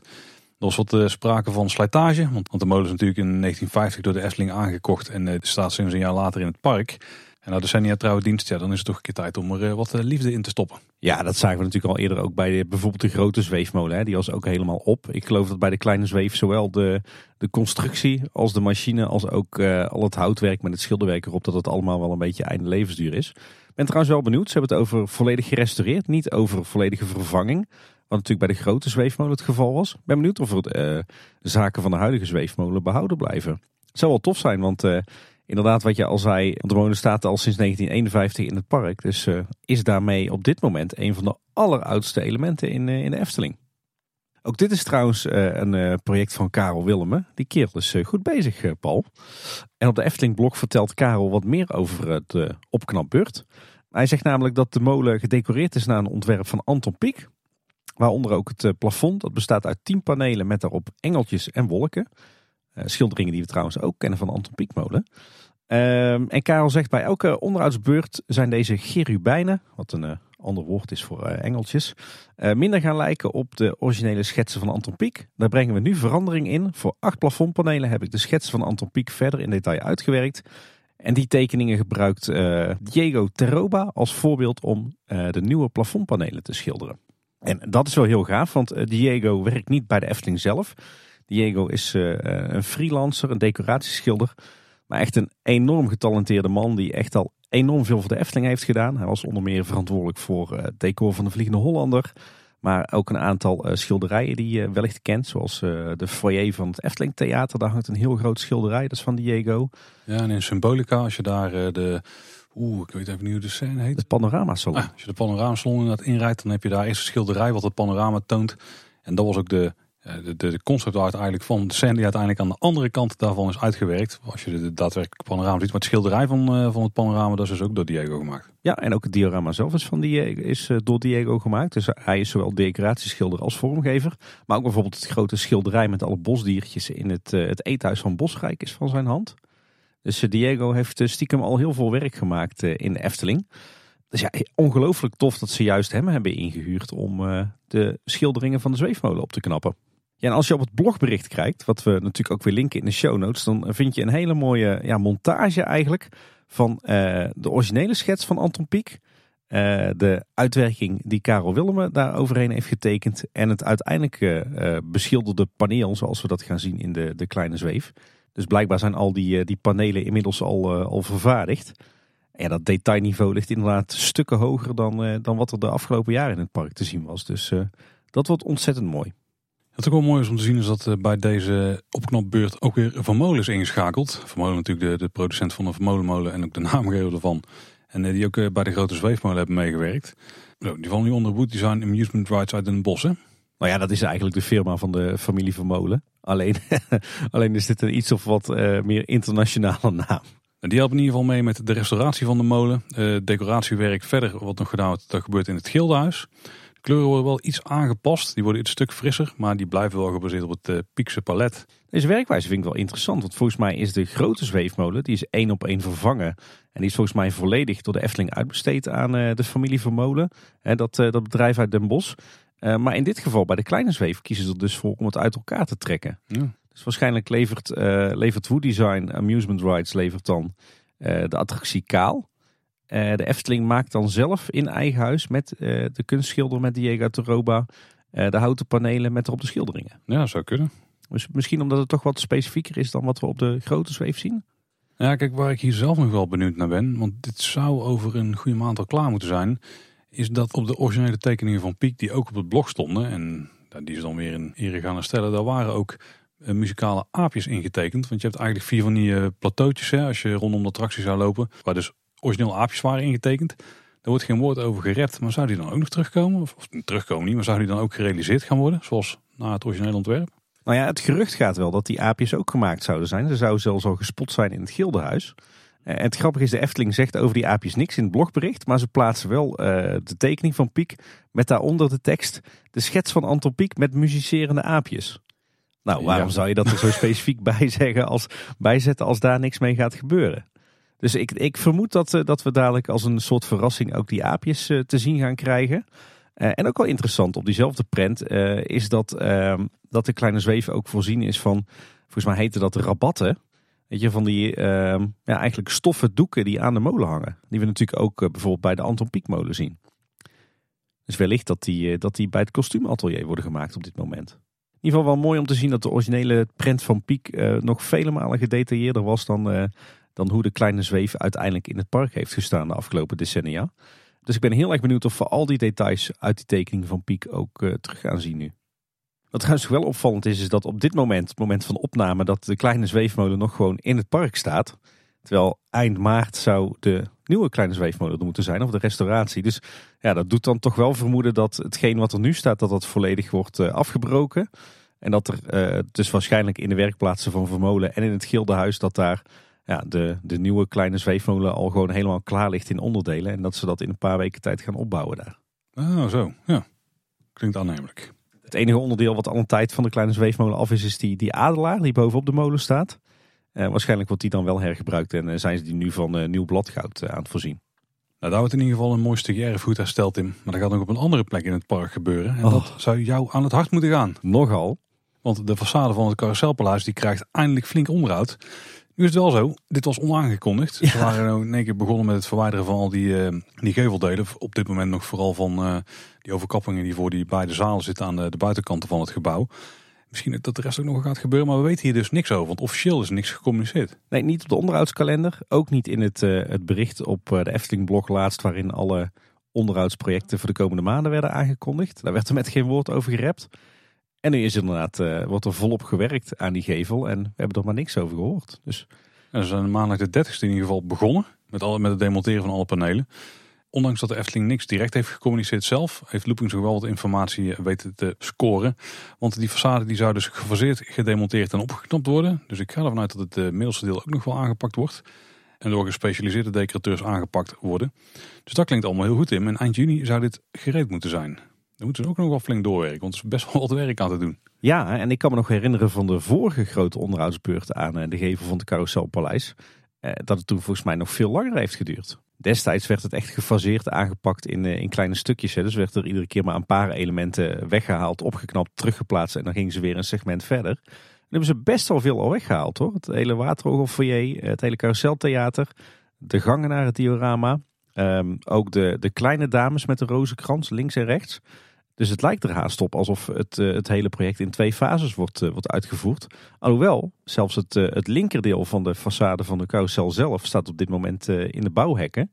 En daar zag ik al dat er met overtrekpapier en watervaste stift dat er al schilderingen werden overgetrokken. Dus ook daar zijn ze blijkbaar mee bezig. Dus in die zin hoeft er geen twijfel te bestaan of ze alles gaan doen. Dat pakken ze grondig aan, hè? Alleen blijkbaar uh, ja, doen ze gewoon ontzettend veel tegelijkertijd. Dus er moet ergens uh, in het zuiden van Nederland een grote hal zijn of zo. Waarin al die panelen naast elkaar liggen. En waarin ze toch door een flinke groep mensen worden opgeknapt. Hoe dat klinkt voor jou als de hemel, Tim, om daar langs te lopen, of niet? Ik, dat is inderdaad de hemel op aarde. Ja, lijkt mij zo. Um, ik heb ook de indruk, de vorige keer werd het door de Efteling zelf gedaan. Door de decorateurs van de Efteling in het Gildenhuis. Maar het zag er nu naar uit dat het spul allemaal... Um, uh, werd afgevoerd. Want eigenlijk het eh, demonteren van de gevel was iedere keer maar een dag of twee werk. Er kwam een kraantje bij en, uh, en een hoogwerker. Maar al die onderdelen werden allemaal gelabeld, uh, opgestapeld op, op pallets. En volgens mij zo het park uit, uitgereden. Dus ik denk dat, dat de hele restauratie ja, extern is uitbesteed. is wel een risico. Want ja, lang niet iedereen kan denk ik op een hele respectvolle manier dit soort ja, toch al oude reliquieën restaureren. Maar ik zag dat uh, diezelfde Diego Terroba, die we net al hebben uh, bejubeld, die dus ook bezig is met de kleine zweefmolen, dat die nu ook hier die schilderingen stond over te trekken. Dus het zou zomaar kunnen dat, uh, dat ook de opknapbeurt van het Carouselpaleis een projectje van Diego is. Dan moet ik zeggen dat mijn, mijn vertrouwen in deze klus toch flink stijgt. ze hebben het ook best wel bijzonder aangepakt, want tijdens de werkzaamheden toen hebben ze alles in bouwwerken gezet. En toen zijn ze daar met hoogwerkers en zo in de gang geweest om alles te ontmantelen. Alles ook netjes bestikkerd en zo inderdaad. Maar nu zijn al die hekken gewoon weggehaald en kun je gewoon weer eronder doorlopen. Ja. Dus dit is gewoon even tijdelijk hoe we dit aanblik van het carouselpaleis moeten, moeten zien. Ja, alleen raar dat ze nergens uh, uitleggen waarom het er zo uitziet. Hè? Kijk, wij snappen natuurlijk waarom die geveldelen weg zijn. Maar als je voor het allereerst in de Efteling komt, dan denk je ook... Nou, was dit voor lelijk gebouw. Dus uh, hopelijk zetten ze daar nog een paar sandwichborden neer. Kunnen er niet genoeg hebben in het park. nee, precies. Uh, overigens, um, heeft volgens mij de woordvoerder van de Efteling ook nog tegen Loopings gezegd dat ook de dakbedekking van het Carouselpaleis wordt vernieuwd. Oh, echt een flinke renovatie. We zijn op dit moment op heel veel plekken ook met de dakbedekking bezig in de Efteling. Er komen later in deze aflevering nog een paar andere plekken langs. Nou, dat is misschien wel wel nu Tim, want we gaan door naar het onderhoudsblokje. Al, al was de helft van deze aflevering tot ook al een soort verkapt onderhoudsblok. Eigenlijk is deze hele aflevering gewoon de afdeling bouw en onderhoud. De, de onderhouds XXL special. ja, maar goed, dat ligt niet aan ons, dat ligt aan de Efteling. Hè. Die uh, besluiten ook in 2023 weer 384 eh, onderhoudsprojecten op te pakken. Ik vrees over 2024. Of eigenlijk niet, want dat is prima natuurlijk. Alleen wij moeten het allemaal melden en dat kost nogal een hoop... Uh... Nou ja, moeten, moeten het melden. Nou komt het wel heel erg over alsof het werk is, Paul. Het is hobby, toch? Ik moet het melden, Tim, want jij schrijft het allemaal op. dat is ook weer zo. Ieder zijn ding. Maar we gaan er eens even gauw doorheen walsen. Het fantasierijk, wat gebeurt daar allemaal? Ja, wel, wel uh, een spectaculaire onderhoudsklus. Er vinden namelijk werkzaamheden plaats aan de sprinklers van het Huis van de Vijf Zintuigen die in de rieten, kap uh, verwerkt zitten. Het gebouw staat weer voor een deel in de hekken. Er staat ook een hoogwerker bij. En van de week uh, lag ook een deel van de rieten kap weer open. Dus blijkbaar zijn ze bezig met die leidingen. Want de afgelopen dagen is er tijdens de parkopenstelling volop getest met die sprinklers. Ik vond het best wel een vet special effect als je er zo langs liep. Gaaf hè? Zag er bijzonder uit. Gewoon alles was keurig droog, want het was mooi weer. En dan had je daar allemaal van die, die stralen en ja, eigenlijk mist, zeg maar, die dan over het huis van de vijf zintuigen naar beneden daalt. Super vet. Het enige naal is de dakgoten kunnen het niet aan, dus het liep ook allemaal eroverheen. En daarom was het hele huis van de vijf zintuigen afgezet. En moest je dus via de, de ingang waar de gasten van het verblijf in en uit gaan, daar moest je dan erin en uit. Ja, dit is denk ik dan om die sprinklerkelderinstallatie te testen of zo. Ja, of misschien uh, een stukje certificering hè? Nadat het dak is aangepakt. Ja, misschien gewoon een jaarlijkse certificering. Of misschien dat opnieuw gecertificeerd moest worden. Omdat ze nu inderdaad die andere sprinklerkelder hebben. Ik had dit dus nooit gezien. Ik had me echt niet beseft dat het zo werkt. Zeg maar. Want het is natuurlijk, stel er slaat een vlam of zo in het dak. Dan zet je die installatie aan. Nou, kan je vertellen, dan blijft er van vuur heel weinig nog over. Als je er op tijd bij bent in ieder geval. Maar ik heb nooit gezien dat dit aanstond of zo. Ja, ik heb het uh, verschillende keren gezien, maar dat was altijd voor of na openstelling. Ik heb nooit gezien dat ze tijdens parkopenstelling lieten, lieten lopen ja, echt um, grappig om te zien wat voor enorme hoeveelheden water er dan over dat dak stroomt. Er kwam trouwens ook een hoop, uh, een hoop riet mee, wat waarschijnlijk nog los lag van de opknapbeurt. Dat lag ook allemaal in de goten. Hey, en verder is er de afgelopen weken volop gegraven in de Steenboklaan. Zeg maar de weg tussen uh, de Padoespromenade en Bekkerij Krummel. Uh, maar ook um, tussen de Padoespromenade en Fabula, in het plantsoen achter die nieuwe vijver. Dat heeft allemaal open gelegen. Uh, inmiddels is het allemaal netjes dichtgemaakt en allemaal weer netjes hersteld. De vraag is even, wat is er gebeurd? Uh, ik heb sowieso gezien dat er nieuwe riolering is aangelegd. Nou weten we dat er lange tijd uh, rioleringsproblemen waren bij Fabula. Met name bij de toiletten, die zaten nogal vaak verstopt. Ehm, maar wat nu ook is verholpen, is dat eindelijk het waterpeil in die nieuwe vijver aan de kant van Fabula op hoogte is. Die vijver is natuurlijk begin 2022 aangelegd, maar die stond eigenlijk altijd half droog. En nu sinds deze werkzaamheden staat die netjes helemaal vol. Dus ik denk dat ze ook iets hebben geklust aan het, het hele systeem van klaterwater. waarbij natuurlijk alle vijvers met elkaar in verbinding staan. Ondertussen zijn ze hard aan het werk aan het dichtmaken van die steenboklaan. Het asfalt komt er niet terug. We krijgen daar hele mooie gebakken klinkertjes. Dat wordt allemaal netjes aangelegd. Ehm, en er is ook volop ruimte nog voor nieuwe plantsoenen. En ik hoop dat, uh, dat daar uh, nog uh, wat nieuwe boompjes worden aangeplant. Want van de week viel me op dat er weer zo'n grote eikweg is die langs de steenboklaan stond. Ter hoogte van Bekkerij Krummel. En daardoor ontstaat er voor je gevoel echt een soort van gat of zo in die ruimte daar. En als we het dan toch over Fabula hebben, dan wordt op dit moment ook nog steeds aan Fabula gewerkt. En het lijkt erop dat ze nu de dakbedekking van de platte daken van het gebouw aan het vervangen zijn. En daar liggen ook een hoop isolatieplaten bij. Dus misschien dat ze die ook aan het, het extra aan het isoleren zijn. Weer een stukje duurzaamheid als we daar verbeteren. Ja, lijkt me wel. Uh, bij Fata Morgana is gewerkt aan een van de fonteinbakken uh, die op het Fata Morgana plein in de plantsoenen staan. Was een gedeelte van de rand van die bak was helemaal afgebrokkeld. En daar hebben ze nu een nieuwe rand op aangebracht. Ik ben wel benieuwd of dat wederom steen is of dat die van polyester is. maar in ieder geval werkt het allemaal weer en de fonteinen staan ook weer aan. En dan zijn er nog wat wijzigingen aan de onderhoudsplanning op de Efteling website. En wat het meest in het oog springt is dat Max en Moritz toch uh, nou, best wel een aardige periode uh, gesloten is vanwege onderhoud. Volgens mij 2,5 week. Namelijk van 20 maart tot en met 7 april. Dus dat zal dan de periode zijn dat uh, de firma MAC de problemen met de baan gaat aanpakken. Dat zou goed nieuws zijn, ja. Dan door naar de Piranha. Die is natuurlijk ook in winteronderhoud. Er waren wat werkzaamheden aan die grote houten loopbrug aan de achterkant van het, van het gebied. Daar hebben ze nu een heel mooi permanente houten poortje geplaatst aan het begin van die loopbrug.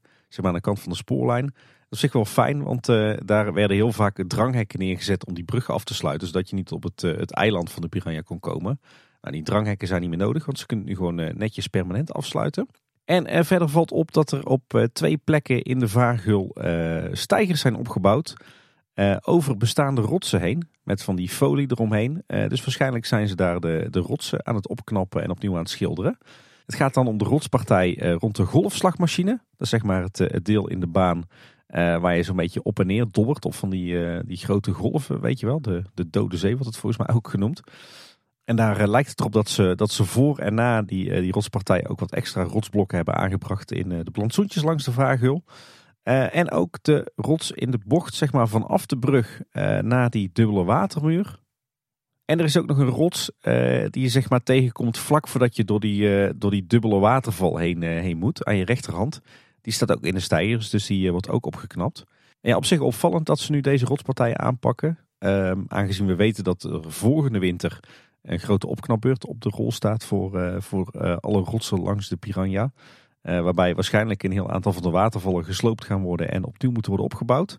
Maar ik denk dat deze rotsen dan gewoon kunnen blijven staan bij die opknapbeurt. Dus dat ze die nu alvast schilderen. En ook nog een toffe ontdekking van luisteraar Raafje de Voorste. Die is altijd Max Moritz documentaire nog eens te kijken.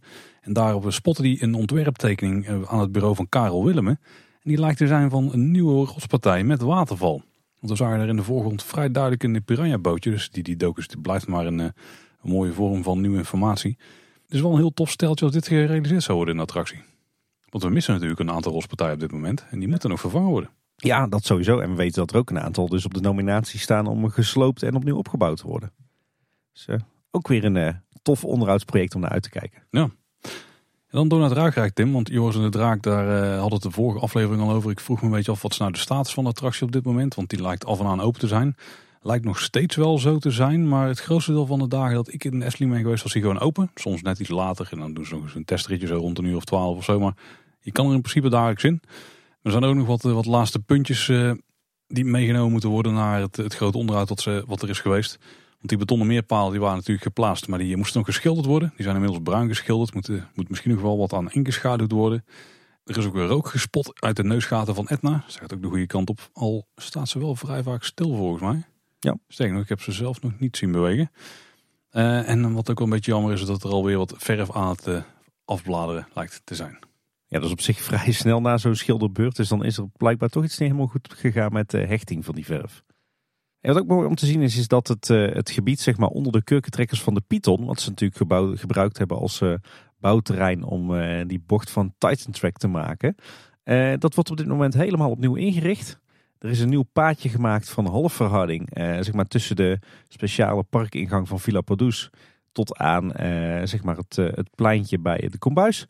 En er is echt een enorm oppervlak gemaakt voor beplanting. Dus dat wordt echt een, een groene oase daar. En ook de Pietonweide, het grote grasveld zeg maar tussen de Pieton en Station de Oost.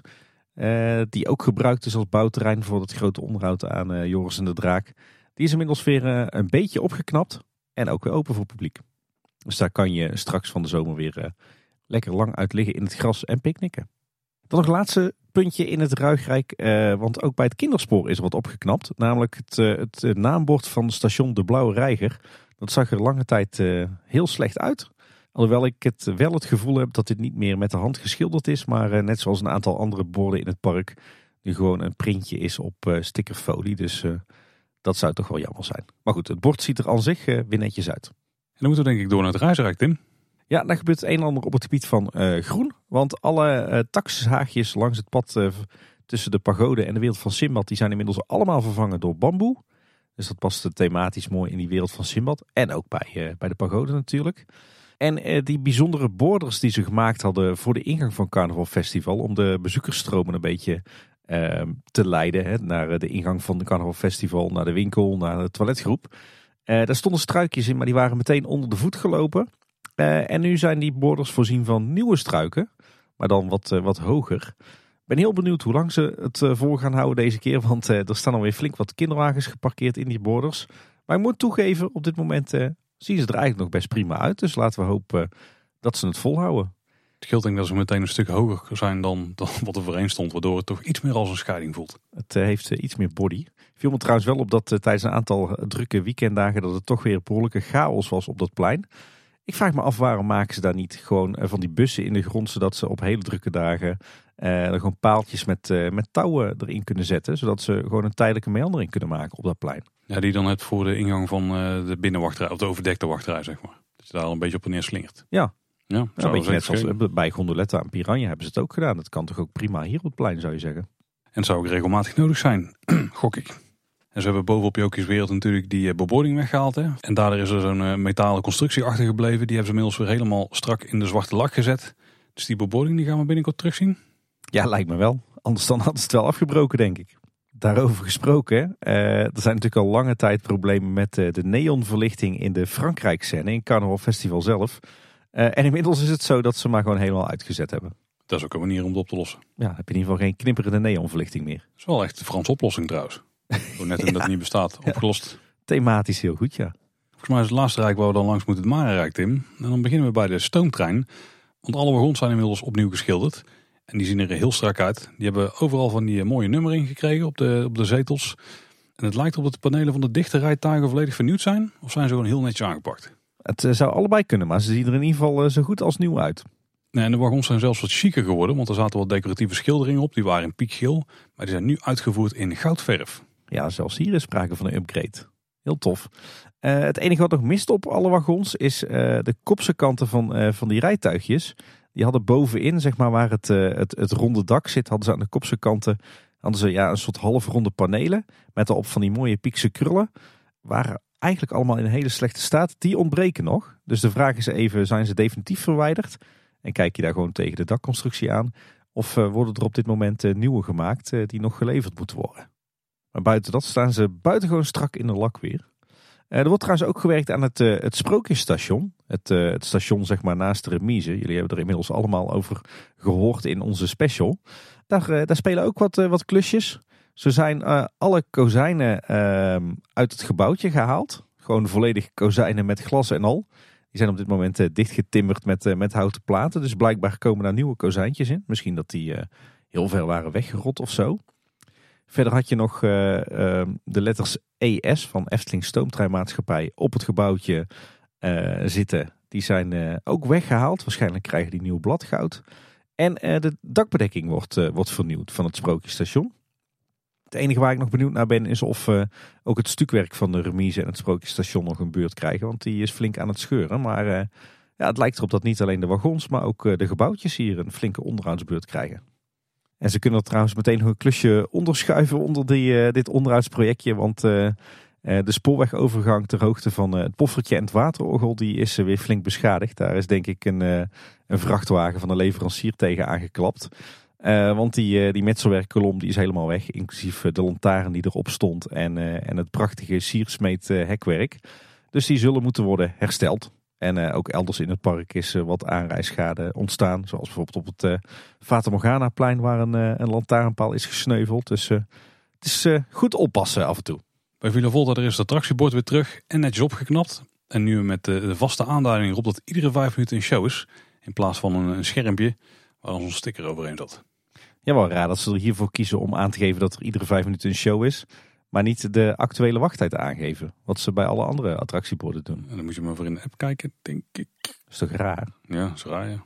Nou, die vijf minuten die halen ze ook niet altijd. Dus ook dat is wel... eh, Ja, en dan eh, ja, toch een beetje het mysterie van dit moment. Wat gebeurt er in vredesnaam bij Droomvlucht? ja, daar gebeuren interessante dingen, Tim. Ja, die eh, attractie is natuurlijk al een flink aantal maanden dicht. 4 maart zou die weer open moeten. Zouden ze het halen, denk je? Nou ja, er is natuurlijk iets eh, heel interessants gebeurd in Droomvlucht. ja. Want in de Hemelburg te zenden, er lijken één of meerdere planeten naar beneden te zijn gekomen. Die daarbij ook flink schade hebben opgelopen. Hoeft natuurlijk niet de heropening van de attractie tegen te houden. Want die staat gepland op 4 maart, zou nog steeds kunnen. Maar dan missen we dus wel een aantal van die planeten. Ja, ik begreep dat, eh, dat de kabel waar die planeten aan hangen aan het plafond. Het is eigenlijk een soort, een soort groot uitgevallen mobiel. Hè, zoals je hem boven een van een baby kindje zou, eh, zou kunnen aan, aantreffen. Maar er schijnen één of meerdere kabels geklapt te zijn. Waardoor dat die planeten met een rotgang naar beneden zijn eh, gevallen. En ik eh, begreep dat ze zo plat als een dubbeltje zijn. Wat natuurlijk echt ongelooflijk zonde is. Want die planeten zijn eh, prachtig en echt nog een, een creatie van Tom van de Ven. De attractie gaat gewoon open, maar dan zonder die planeten. En de Efteling die zou op dit moment aan het uitzoeken zijn wat hiermee te doen. Nou, laten we in vredesnaam hopen dat die planeten gewoon opnieuw worden vormgegeven. Want ja, dat zou echt een enorm gemis zijn als die Ja. dingen niet terugkomen. Ehm, hopelijk is het eh, verzekeringswerk. Maar eh, ja, dat is toch wel een, eh, een stevige tegenvaller. Misschien dat er zelfs een kleine upgrade mogelijk is, Tim. Ja, die planeten zijn al extreem gedetailleerd. Of waren. Ja, misschien dat ze iets meer met lichteffectjes erin kunnen doen of zo. Iets meer, iets meer misschien zoals wel schaduwspel of zo. Nee, ik zie meteen... eh, Ja, ja, ik, zie mogelijkheden, ik zie mogelijkheden. ik, ik ben al blij als die dingen überhaupt terugkomen. Ja, ja, dat is en zeker op korte termijn. En, maar dat wordt nog interessant, denk ik. Ja, ze zijn er wel flink grof aan de gang gegaan. Hè? Want ik dacht, nou, dit loopt een beetje op zijn eind het onderuit. Is nog een beetje de restpuntjes aanpakken. Maar we zagen dat er vrij recent, door wat de foto's gemaakt, eh, ook weer door eh, fotograaf Nick vanuit de pagode, dat er echt enorme haarbalken de attractie in werden getakeld. Ze hadden gewoon in de zijkant van het gebouw, aan de geheel volgens mij ergens boven een dak of zo, boven een dakrand, een gat gemaakt. Niet eens heel groot, misschien een meter bij een meter. En daar hebben ze echt enorme balken dus naar binnen gehezen. Die daar bevestigd moeten worden. Misschien voor versteviging van de constructie waar de rails aan hangt of zo. Ja, dat denk ik. Volgens mij bleef, dat, bleef een deel van die balk ook op het dak staan, permanent of zo. Permanent. Ja. Oh, oké. Met dat soort grote klussen waren ze dus nog bezig. Ja, ik, ben zo, ik baal er zo van dat we hier niet meer eh, over horen. Want dit lijkt me zo'n ontzettend boeiende onderhoudsklus. We hoorden trouwens ook een gerucht dat er mogelijk eh, elfjes zouden komen met een, eh, een donkere huidskleur. Oh. Zou toch wel heel erg tof zijn als ze ook dat doorvoeren. Ja, zeker prima. Maar goed, verder is het dus eh, afwachten tot, eh, tot 4 maart om te kunnen concluderen wat er allemaal gebeurd is in de attractie.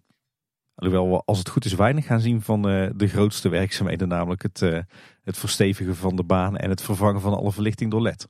Bij het gemak was het, het bordje wat daar buiten hing, tenminste wat aan de overkant van het gebouw stond, een hele tijd weg. Die is weer terug. Waarbij ze in plaats van een geschilderd bord daar print op een stickerfolie hebben gebruikt. Waarbij een bewerking van de originele afbeelding lijkt te zijn gemaakt in Photoshop of zo. Die kleuren zijn wel meer aangezet en eh, de lijnen lijken weer wat minder strak. Die, die golven wel meer of zo. Maar wat vooral heel erg opviel is dat eh, het perspectief, daar klopt niet zo heel veel meer van. Je hebt op zich, eh, die, die, er staat zo'n eh, zo'n poepstoel op, hè, zeg maar. En, of zo'n zetel. En de rugleuning daarvan, de bovenkant loopt echt strak parallel met de bovenkant van het bord. Maar de rest is wel netjes in perspectief met weglopende lijnen getekend. Maar als je die lijn een beetje doortrekt, dan, dan klopt er gewoon geen hout van. Of het is een enorm scheve stoel, dat zou ook nog kunnen. Weet je wat ze aan die vormgever hadden moeten vragen? Beheerst u het perspectief? Nee, ja, ik vind, ik vind echt, echt zonde die ontwikkeling dat, eh, dat steeds meer borden gewoon een, eh, een printje op een eh, op stickerfolie worden. Maar goed, dat, Ja, op zich als de, de afbeelding hier gewoon netjes was zoals hij was, min of meer. Dat was nog niet eens zo heel erg geweest. Want ze kunnen er ook gewoon wel mooi uitzien, zeker van een afstandje. Maar Maar- ja, hier is de afbeelding een beetje mislukt. het is zo nep. Ja, maar vanaf een afstandje zie je het niet altijd. Hè? Ik bedoel, er zijn ook uh, polyester geveldelen waarvan we ook nog steeds denken dat ze van hout zijn. Maar we weten het gewoon niet. Ja, daar heb je dan wel gelijk in. En nog een uh, bijzonder restpuntje op het Anton Pieckplein. Daar was laatst de drinkenproeffontein onder handen genomen. De hele, hele houten ombouw daarvan die was vernieuwd. En dat was toen super strak. Uh, en blijkbaar vond de Efteling dat ook. Want ze hebben nu ja, een raar soort groeven ingevreesd. Maar die lopen dan weer kriskras door elkaar en een beetje heel raar golvend of zo. Dus op de een of andere manier hebben ze willen nabootsen dat dat ding van planken is gemaakt in plaats van houten plaatmateriaal. Maar ja, het ziet er nou ook weer zo gemaakt uit dat je bijna denkt van had het maar gewoon gelaten zoals het was. Maar goed, de, de, de bedoelingen waren goed, zullen we maar zeggen. Vervolgens hebben ze wel weer de hele fontein opnieuw moeten, uh, moeten schilderen en, uh, en daarna nog nat in nat moeten schilderen. Dus ze hebben er veel, veel werk aan, aan besteed. En dan tot slot door naar het Sprookjesbos. Bij Doornroosje valt op dat de waterval al lange tijd defect is en ook de vijver een heel eind leeg staat. Ik ben benieuwd wat daar de oorzaak van is. Uh, is de, de watervalpomp gewoon kapot? Of uh, is er sprake van legionella? Of misschien is de vijver of de, de, de waterval zelf lek? Wat ook bijzonder is, is je hebt het, het, grote kabouterhuis in het kabouterdorp. Hè. Daar zit zo'n kabouter in een venster. Maar die zit sinds een paar weken ineens een kwartslag gedraaid. Die heeft visite, denk ik. Ja, die kijkt wat er naar binnen. Um, en ook bijzonder, sinds het, het groot onderhoud aan Raponsje piept de heks verschrikkelijk als ze omhoog en omlaag klimt. die heeft last van een gewrichten, denk ik. Ja, dat kan je wel zeggen, ja. En dan nog even naar het huisje van vrouw Holle. Daar zijn ze ook nog met wat restpuntjes bezig geweest. Recent zijn natuurlijk alle raampjes afgemaakt hè, met, met glasroedes en het juiste glas. Dan hebben ze inmiddels uh, achter het glas op de vensterbankjes ook weer allerlei fraai gedetailleerde decoratie neergezet. En zo te zien niet zomaar van de kringloop, maar ook echt speciaal voor die plek gemaakt. Heel tof. En de tuin rond het huisje is nog een keer volledig op de schop uh, geweest. Ze zijn daar flink aan het graven geweest rond het huisje. Ik vermoed omdat ze uh, alsnog beregening aan aan het leggen waren. Of decorverlichting, zeg maar de, de kleurenspotjes op het gebouwtje. Misschien dat ze dat vergeten waren in eerste instantie. Maar goed, inmiddels is de tuin weer helemaal dichtgemaakt. En ook netjes voorzien van, van wat boompjes en wat andere beplanting. Dus dat ziet er prachtig uit. Dan nog naar het sprookje van Assenpoester. Daar is iets bijzonders aan de gang links van de entree van het, het landhuis. Daar zijn ze op dit moment een breed pad aan het aanleggen. Ik vroeg me in eerste instantie af, wat, wat wordt dit voor pad? Is het een dienstpad of zo? Want het leidt eigenlijk naar de Indische waterlelies. Maar toen bedacht ik me ineens dat we laatst een blogbericht hadden... waarin groot onderhoud voor het Herautenplein werd aangekondigd. En het lijkt me vrij aannemelijk dat er een tijdelijke omleidingsroute komt... Waarbij je uh, waarschijnlijk na de grot van Sneeuwwitje naar het sprookje van de zes zwanen en Assenpoester kunt lopen. En vanuit het voorpleintje van Assenpoester dan links om het gebouwtje heen rechtstreeks naar het voorplein van de Indische waterlelies. Door die dubbele deur die we daar vinden. Ja. En dat zou wel kunnen verklaren waarom ze hier nou zo druk bezig zijn met het aanleggen van zo'n breed pad. Ja, want dat wordt dan een mogelijke tijdelijke nieuwe looproute. Ja. ja.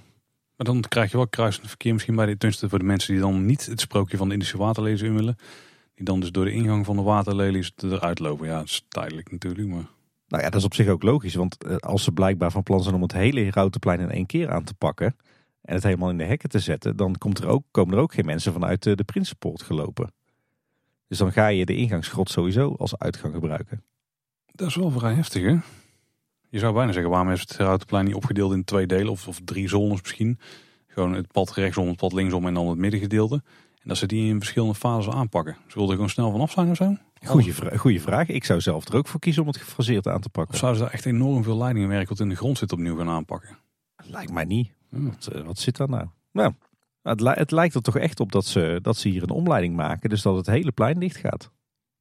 Toch zonde, want het is toch het mooiste plekje van het park, toch? Ja. Uh, wij zeiden trouwens de vorige keer van, uh, dat we niet snapten waarom dat het Herautenplein uh, aan onderhoud toe was. Maar ik ben de laatste tijd weer veel ge geweest en toch is goed opgelet. Maar inderdaad, de kinderkopjes liggen wel heel erg ver uit elkaar en, en redelijk ongelijk. Um, heeft natuurlijk wel karakter, maar ik kan me voorstellen met een beetje kinderwagen of rolstoel dat je, er, dat je dat toch ook wel als oncomfortabel kunt ervaren. Uh, en met name ook alle flagstone vloeren bij de zitjes en uh, rond de Kikkerkoning fontein. Die zijn ook wel echt in een slechte staat. Dus, um, dus ja, ik kan me voorstellen dat ze hier het straatwerk gaan aanpakken. Maar ik hoop echt zo erg dat, dat we hier niet zo'n fiasco krijgen als in het Lavelaar. Dat hier echt wel de, de kinderkopjes terug gaan keren. Misschien wat strakker gelegd, maar ja, laten we echt hopen dat die, dat die kinderkoppen er niet uitgaan. Hey, nog even terug naar Assenpoester. Wat daar ook opvalt is dat uh, de spot die op het speeldoosje staat in het sprookje, die toch vrij uh, belangrijk is in het verhaal, die is al lange tijd kapot. En daardoor mis je eigenlijk best wel een, een groot deel van de show. En dan tot slot nog even door naar de Indische waterlelies. Wat trouwens wel bijzonder is, omdat ze voor dat, dat tijdelijke pad tussen Assenpoester en de Indische waterlelies ook een hoop groen hebben weggehaald. Kun je daar nu zeg maar vanaf Assenpoester uh, naar de achterkant van de nieuwe rotspartijen kijken. Met die, uh, die staalconstructie die erachter staat. Dus daar hebben ze duidelijk geen rekening mee gehouden. Maar in het sprookje zelf valt op dat de waterval al enige tijd defect is. Ook hier natuurlijk weer de vraag, is het pompstuk of uh, is er legionella? Op zich mis je het lawaai wat die nieuwe pomp maakt sinds het laatste grote onderhoud daar, mis je zeker niet. Maar ja, je mist natuurlijk wel het effect van het stromende water tussen de showtjes. Dus laten we hopen dat dat snel wordt gemaakt. En bij voorkeur dan met een iets uh, stillere pomp. Maar wat wel heel tof is uh, en heel fijn is, is dat uh, de hele audio in de show nou eindelijk goed ingeregeld staat. Want ja, dat was de afgelopen maanden nogal eens een probleempje. Dus daar hebben ze goed aan gewerkt. En dan nog een onderhoudspuntje uit de wereld van Efteling. Als het dame ondervangen. Want het Efteling Hotel is volledig ingescand in 3D. Maar waarom? Om te hebben. Gaan ze een modelletje maken, Tim, van het Efteling Hotel... Of zouden ze toch al voorbereiding aan het treffen zijn voor iets? Nou ja, feit is natuurlijk dat, uh, dat uh, Grand Circus Balancé, de hele uitbreiding van het reisrijk, dat die op de lange baan is geschoven. En de broodnodige opknapbeurt van het Efteling Hotel, met name binnen, uh, die was natuurlijk gekoppeld aan Grand Circus Balancé. Het zou natuurlijk zomaar kunnen zijn dat ze hebben gezegd, koppel die twee maar los van elkaar en ga maar aan de slag met het grote onderhoud aan de begane grond van het Efteling Hotel. Ja, maar welk thema dan? Want ik ging ervan uit dat ze het enigszins bij het circus thema zouden willen betrekken. Ja. Maar laat me dat ze dat nog niet meer gaan doen nu. Misschien blijft het dan uh, toch een op zichzelf staand iets. Ja. Het thema is 90s toch? ik denk dat ze daar juist vanaf willen. Ah, oké. Dan door naar het kort nieuws. En dan eerst meteen goed nieuws. Want alle blokdagen voor de abonnementhouders in februari en maart die zijn komen te vervallen allemaal. Ja, die van februari wisten natuurlijk al, maar ook die van maart die eh, zijn niet meer eh, van toepassing. Dus we kunnen gewoon alle weekenddagen het park in als abonnementhouders. Ja, flinke meevallen voor ons. En ik denk een tegenvallen voor de afdeling sales. Ja, misschien niet. Ik weet niet precies wanneer wordt bepaald dat het nodig is of niet. Ik denk als ze geen bedrijfsevenement hebben verkocht op zo'n datum, dat het uh, op een gegeven moment ophoudt, toch? Ja, of dat het aantal mensen wat dan na zo'n evenement komt, dat dat tegenvalt. Dat ze dan nog de, dat zou ook hebben, dat het zoiets is. Nou. In ieder geval, ander nieuws is dat de, de virtuele wachtrij bij Carnaval Festival een tweede kans lijkt te krijgen. Ook opvallend. Ja. Want alles was al weggehaald. Uh, maar wat we in één keer zagen is dat er mobiele ticketautomaten in één keer verschenen. een soort betonnen bakken met trussen erop. En dan hangen die automaten dan aan. Er zit wel bestikking op, waardoor het een Carnaval Festival thema is. En volgens een woordvoerder worden nu de voorbereidingen getroffen. Dus voor de terugkeer van die virtuele wachtrij. En ook die tourniquets zijn inmiddels weer terug bij de ingang van de meandering. Met betere signing. Dus ja, niet, we hebben ze niet in werking gezien. Maar die zal op korte termijn wel aangezet worden. En het zou eigenlijk tot de vijf maand duren, het experiment. Maar misschien hebben ze het nu een beetje getweakt en duurt het wat langer. Dus ik heb de vraag tot wanneer we die virtuele wachtrij kunnen gaan beleven. Verrassend, want ik kreeg de indruk dat de Efteling toch vond dat het experiment ge geflopt was. Ja, misschien toch wel aanpassingen gedaan die het weer de moeite maken om te testen. Nou, we gaan het zien. Dan weer eentje in de categorie goed nieuws, Tim. Want de Efteling die heeft definitief besloten om de borden met de dierenfoto's uit de meandering van Fata Morgana te verwijderen.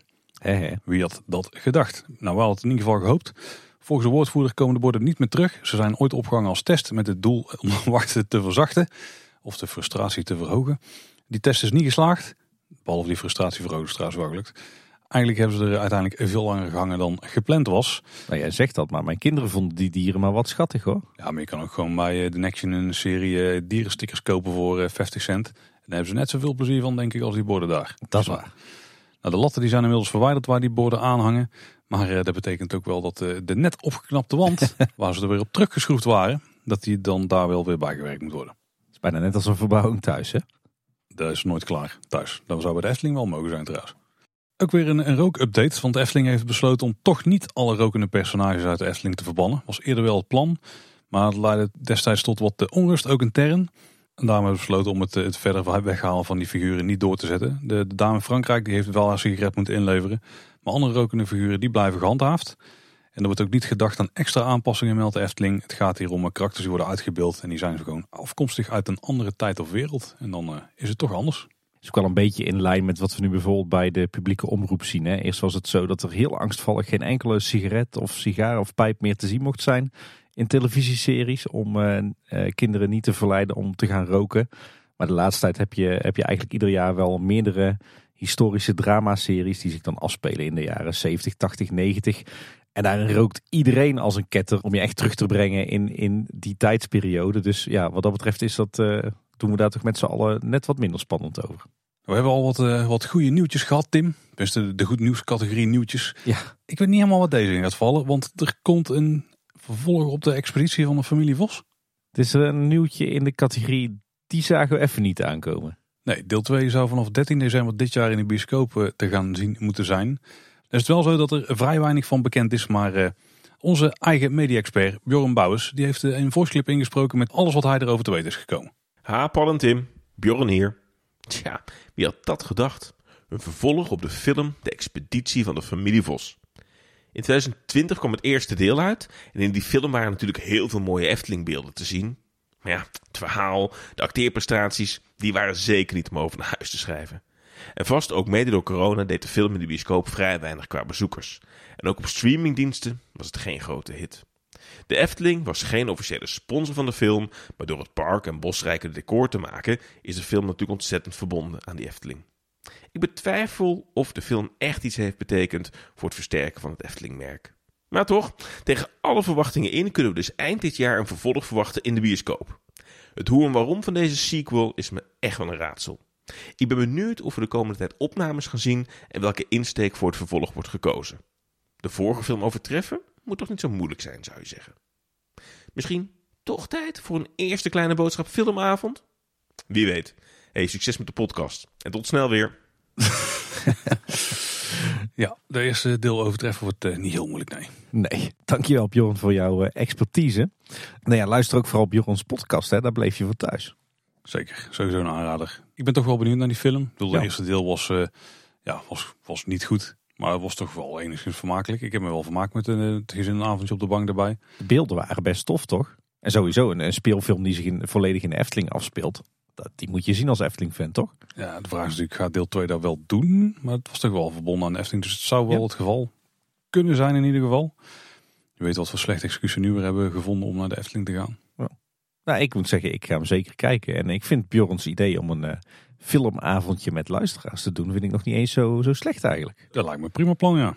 Dan moeten we wel Bjorn nog bij hebben voor de duiding van de film natuurlijk. Hè? Oeh, dan kunnen we een live recensie naar de rand doen. Ja. Dan zal de bioscoop blij mee zijn waar we daar houden. Tim, dan gaan we door naar het parkeerterrein, want dat is natuurlijk een plek waar je altijd de weg kwijt bent. Uh, nou, jij misschien? Nee, ik kijk ook niet. Maar blijkbaar dacht de Efteling daar anders over. Want er zijn inmiddels wolvenpoten geschilderd die de wandelroute aangeven vanaf P2 naar de entree. Ja, de Efteling dacht, die wandelroute dat is zo'n rommeltje. Weet je wat? Laten we er uh, pootjes schilderen op het wegdek. Daar wordt het vast mooier van. Ja, want als er iemand was die niet afweek van het pad, dan was het natuurlijk de wolf zelf. Uh, wacht even, die liep door de bosjes heen. Hoe hebben we dit bedacht thematisch gezien? Een roodkapje, die moest goed op het pad blijven. Nee, daar moet je niet al te lang over nadenken, denk ik. ik. Ik dacht in eerste instantie ook dat het hondenpoten waren. Maar toen dacht ik, ja, dat thematisch klopt dat natuurlijk niet echt helemaal.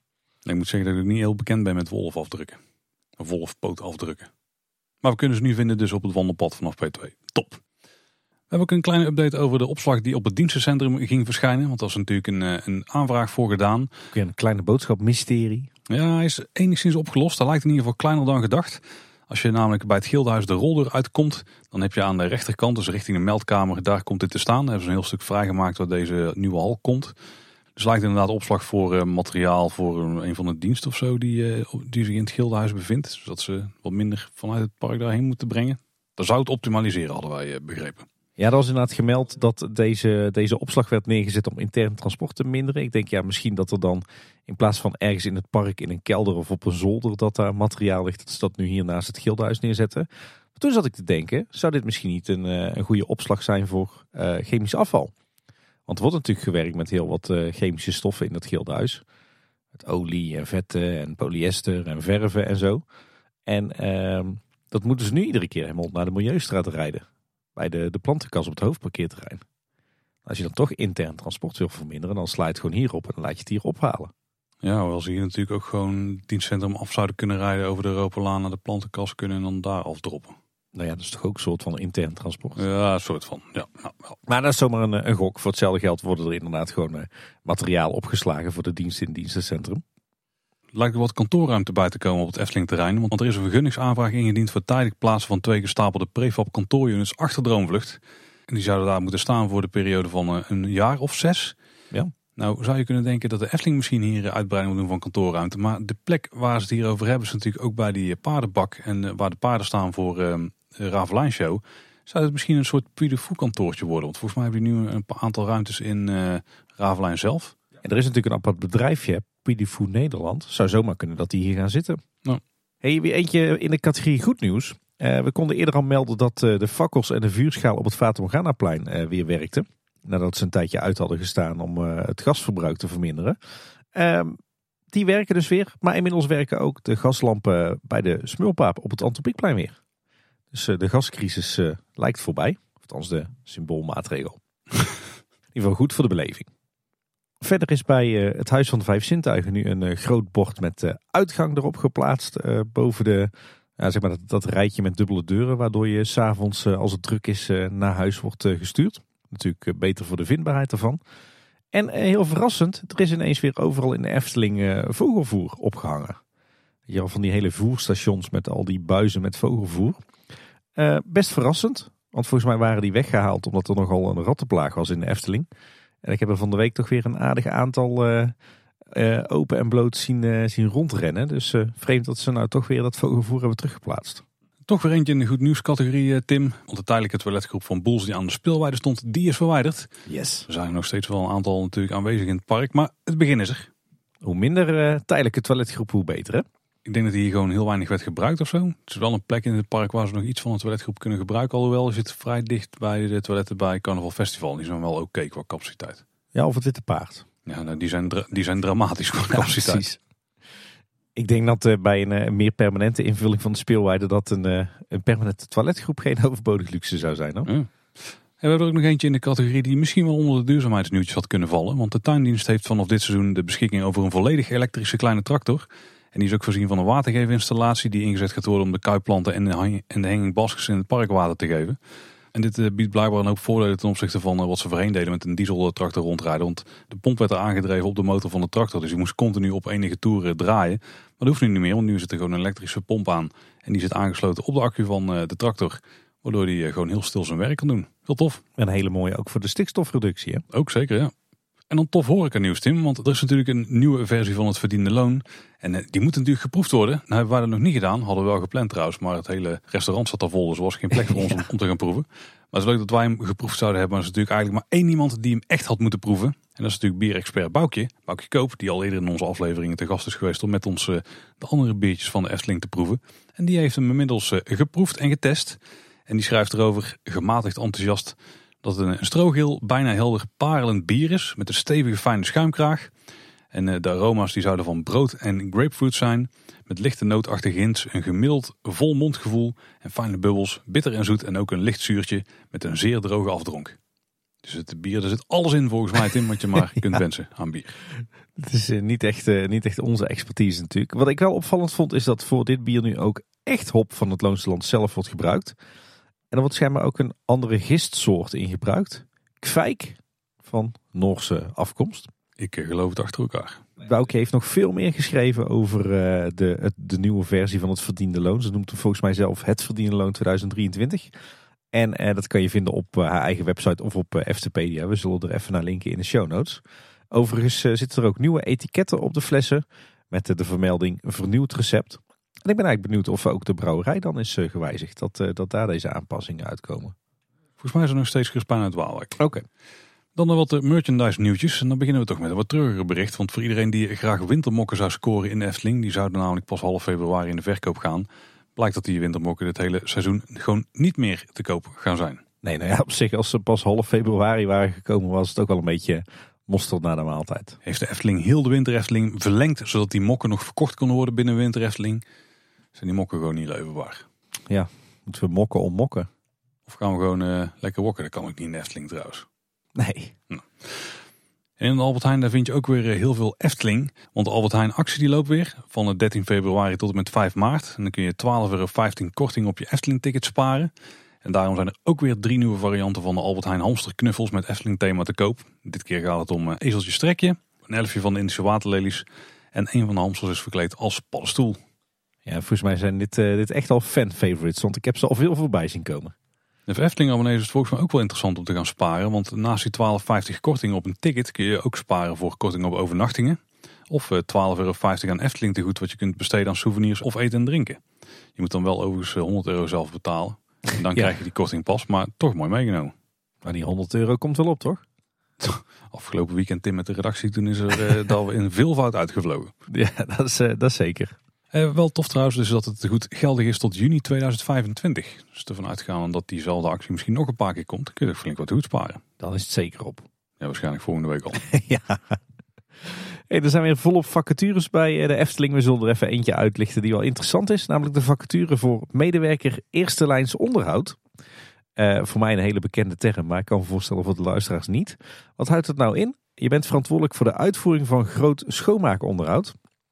In mijn tijd was dat uh, wat breder, maar uh, er staat als medewerker eerste lijns onderhoud maak je deel uit van het team eerste lijns onderhoud binnen de business unit attracties, entree en entertainment. Dus blijkbaar is dat een apart team.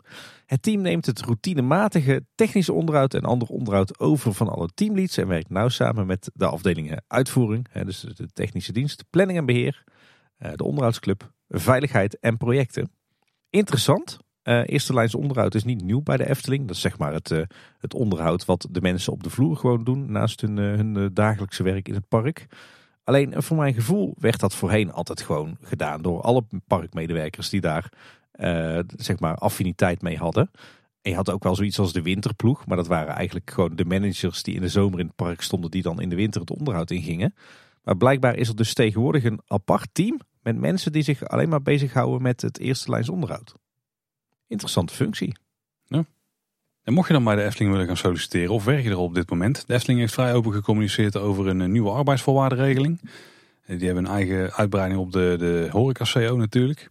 Een aantal dingen die de Efteling tegenwoordig biedt is dat je 21 cent per kilometer aan reiskostenvergoeding krijgt. Dat is natuurlijk ook eh, door de wijziging die de overheid heeft gedaan eraan. Die 19 cent die we al decennia hebben is 21 cent geworden die belastingvrij uitgegeerd kan worden. Maar interessanter, dit wordt tegenwoordig tot een afstand van 100 kilometer vergoed. Dat was 50 kilometer. Dus ze zijn ja. in grotere stralen personeel aan het zoeken lijkt het. Ja, sowieso is reiskostenvergoeding wel, een, uh, wel luxe. Hè? Want het is uh, tegenwoordig niet meer standaard dat je die krijgt. En je krijgt ook meteen een dertiende maand. Voorheen moest je daar eerst voor een bepaalde tijd in dienst zijn dat je daar aanspraak op maakte. Ja, en ze hebben ook een soort van systeem ingevoerd bij de Efteling waarin je uh, zelf keuzes mag maken hoe en wanneer je uh, bepaalde uh, toeslagen uitbetaald krijgt. Dat is volgens mij een beetje vergelijkbaar met, met wat we bij de overheid hebben. Dat noemen ze het, het IKB, waarbij je vakantiegeld en je dertiende maand gespreid over het jaar kan uitbetalen. Of in één keer, of waarvan je er een opleiding of een fiets kan kopen. dat gaan ze bij de Efteling dus ook doen. En misschien nog wel het meest in het oog springend is dat er een gemiddelde loonstijging is van zo'n 4%. Daar zeg je helemaal fout in. Dit is een gemiddeld maximale loonstijging van 4%. Is het nou gemiddeld of maximaal? Ja, ik kon er ook geen touw aan vastgenopen, maar dat is letterlijk wat in het bericht stond dat daar uh, geplaatst was. Ja. Wat trouwens ook wel heel interessant was, is dat er een nieuw soort oproepcontract is uh, geïntroduceerd voor mensen vanaf 21 jaar. Dus niet meer alleen voor de vakantiekrachten, zoals we die vroeger noemden, de scholieren en de studenten. Maar dit contract is er ook voor ouderen of voor mensen die extra willen werken naast hun bestaande baan. Oh. Dit klinkt bijna als contractje voor ons. Ja, buiten dat ik dan naast mijn bestaande baan echt geen seconde tijd heb om uh, hier iets aan te doen. Maar als ik ooit heel oud ben, Tim, dan is het misschien wel leuk, ja. Nou ja, ik zat te denken, als we nou aan de 500 afleveringen zitten en we hebben geen inspiratie meer, dan uh, sparen we zo 15 tot 20 uur in de week uit, ieder. Kunnen gewoon even twee dagjes erbij gaan werken in Dan in één keer alle tijd. Ja. Oh, en eh, trouwens nog een laatste toevoeging aan het artikel over hun arbeidsvoorwaarden. En ik zal even letterlijk quoten wat de Efteling zelf zegt. Onze personeelsfeesten zijn legendarisch. Oeh, kan je dat bevestigen, Tim? Moet ik bevestigend antwoorden? Ja, dat, daar ben ik het 100% mee eens. Tenminste, als ze nog zo zijn als in mijn tijd. Maar ik heb de indruk van wel. En Tim, er waren ook wat calamiteiten in de Efteling. Op dinsdag 31 januari van het nou, ongeveer tien voor half drie tot uh, tien voor vier. Dus niet eens zo heel lang was er een grote stroomstoring.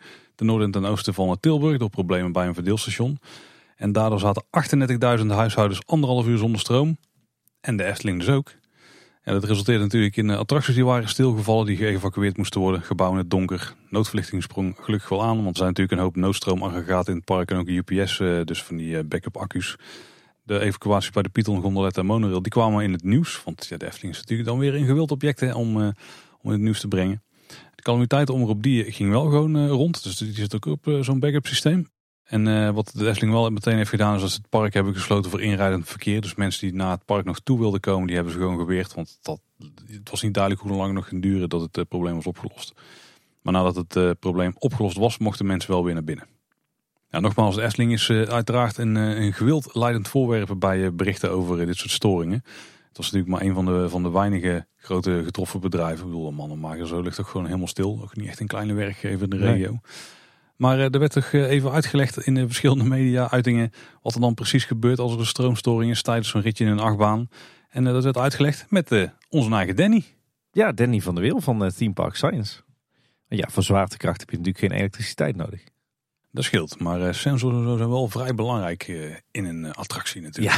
Ja, precies. Bij de eerstvolgende trimbreak sta je dan gewoon stil, ja. Ik moet wel zeggen, de vorige keer waren we natuurlijk redelijk kritisch op de Efteling. Hè, over die, die zaterdag dat er zoveel overlast was omdat het park vol met sneeuw en ijs lag. Dat hadden ze niet zo best onder controle. Ik moet zeggen, deze stroomstoring, dat ging, ging allemaal prima, toch? Ja. Alle systemen werkten gewoon. Je zag gewoon echt dat, dat heel veel plekken in het park, heel veel attracties gewoon een backup systeem hebben bij stroomuitval. Die evacuaties die liepen allemaal prima. Er werd volop gecommuniceerd op een positieve manier. Dus uh, hier hadden ze overduidelijk wel een uh, scenario voor klaar liggen. Dit ging echt uh, supergoed. Er was wel een, nog wat te doen over eventuele compensatie die bezoekers zouden krijgen. Want in eerste instantie was namelijk, of leek er in ieder geval geen sprake te zijn van enige compensatie. Want er was een overmachtssituatie. Er was wel wat ophef. Dus toen heeft de Efteling enkele dagen later besloten om toch een vorm van compensatie te geven aan bezoekers die konden aantonen dat ze dinsdag eerder zijn vertrokken vanwege die stroomstoring. Ze kregen namelijk kortingskaartjes voor een volgend bezoek. Alleen blijkbaar is vanwege een interne miscommunicatie eh, het geval geweest dat niet alle bezoekers meteen daar een bericht over hebben gehad. Er was dus wel een compensatieregeling, maar daar moest je snel bij zijn. Want getroffenen die konden zich melden tot vrijdag 9 uur na de stroomstoring. Dus drie dagen na die stroomuitval maximaal. En die regeling werd ook niet duidelijk gecommuniceerd, maar is vooral aan loopings gemeld. Consumentenbond staan niet helemaal blij mee. Maar uh, ja, ik, ik, vraag me toch of het ging uiteindelijk maar over anderhalf uur. Ja. Kun je dan zo heel veel eisen? Ja, het was natuurlijk niet duidelijk. Als je eerder naar huis bent gegaan, dan heb je wel de rest ja. van je dag ongeveer gemist. Maar waarom zou je dat doen? Dat is toch een eigen keuze? Ik vind eigenlijk gezeur om niks.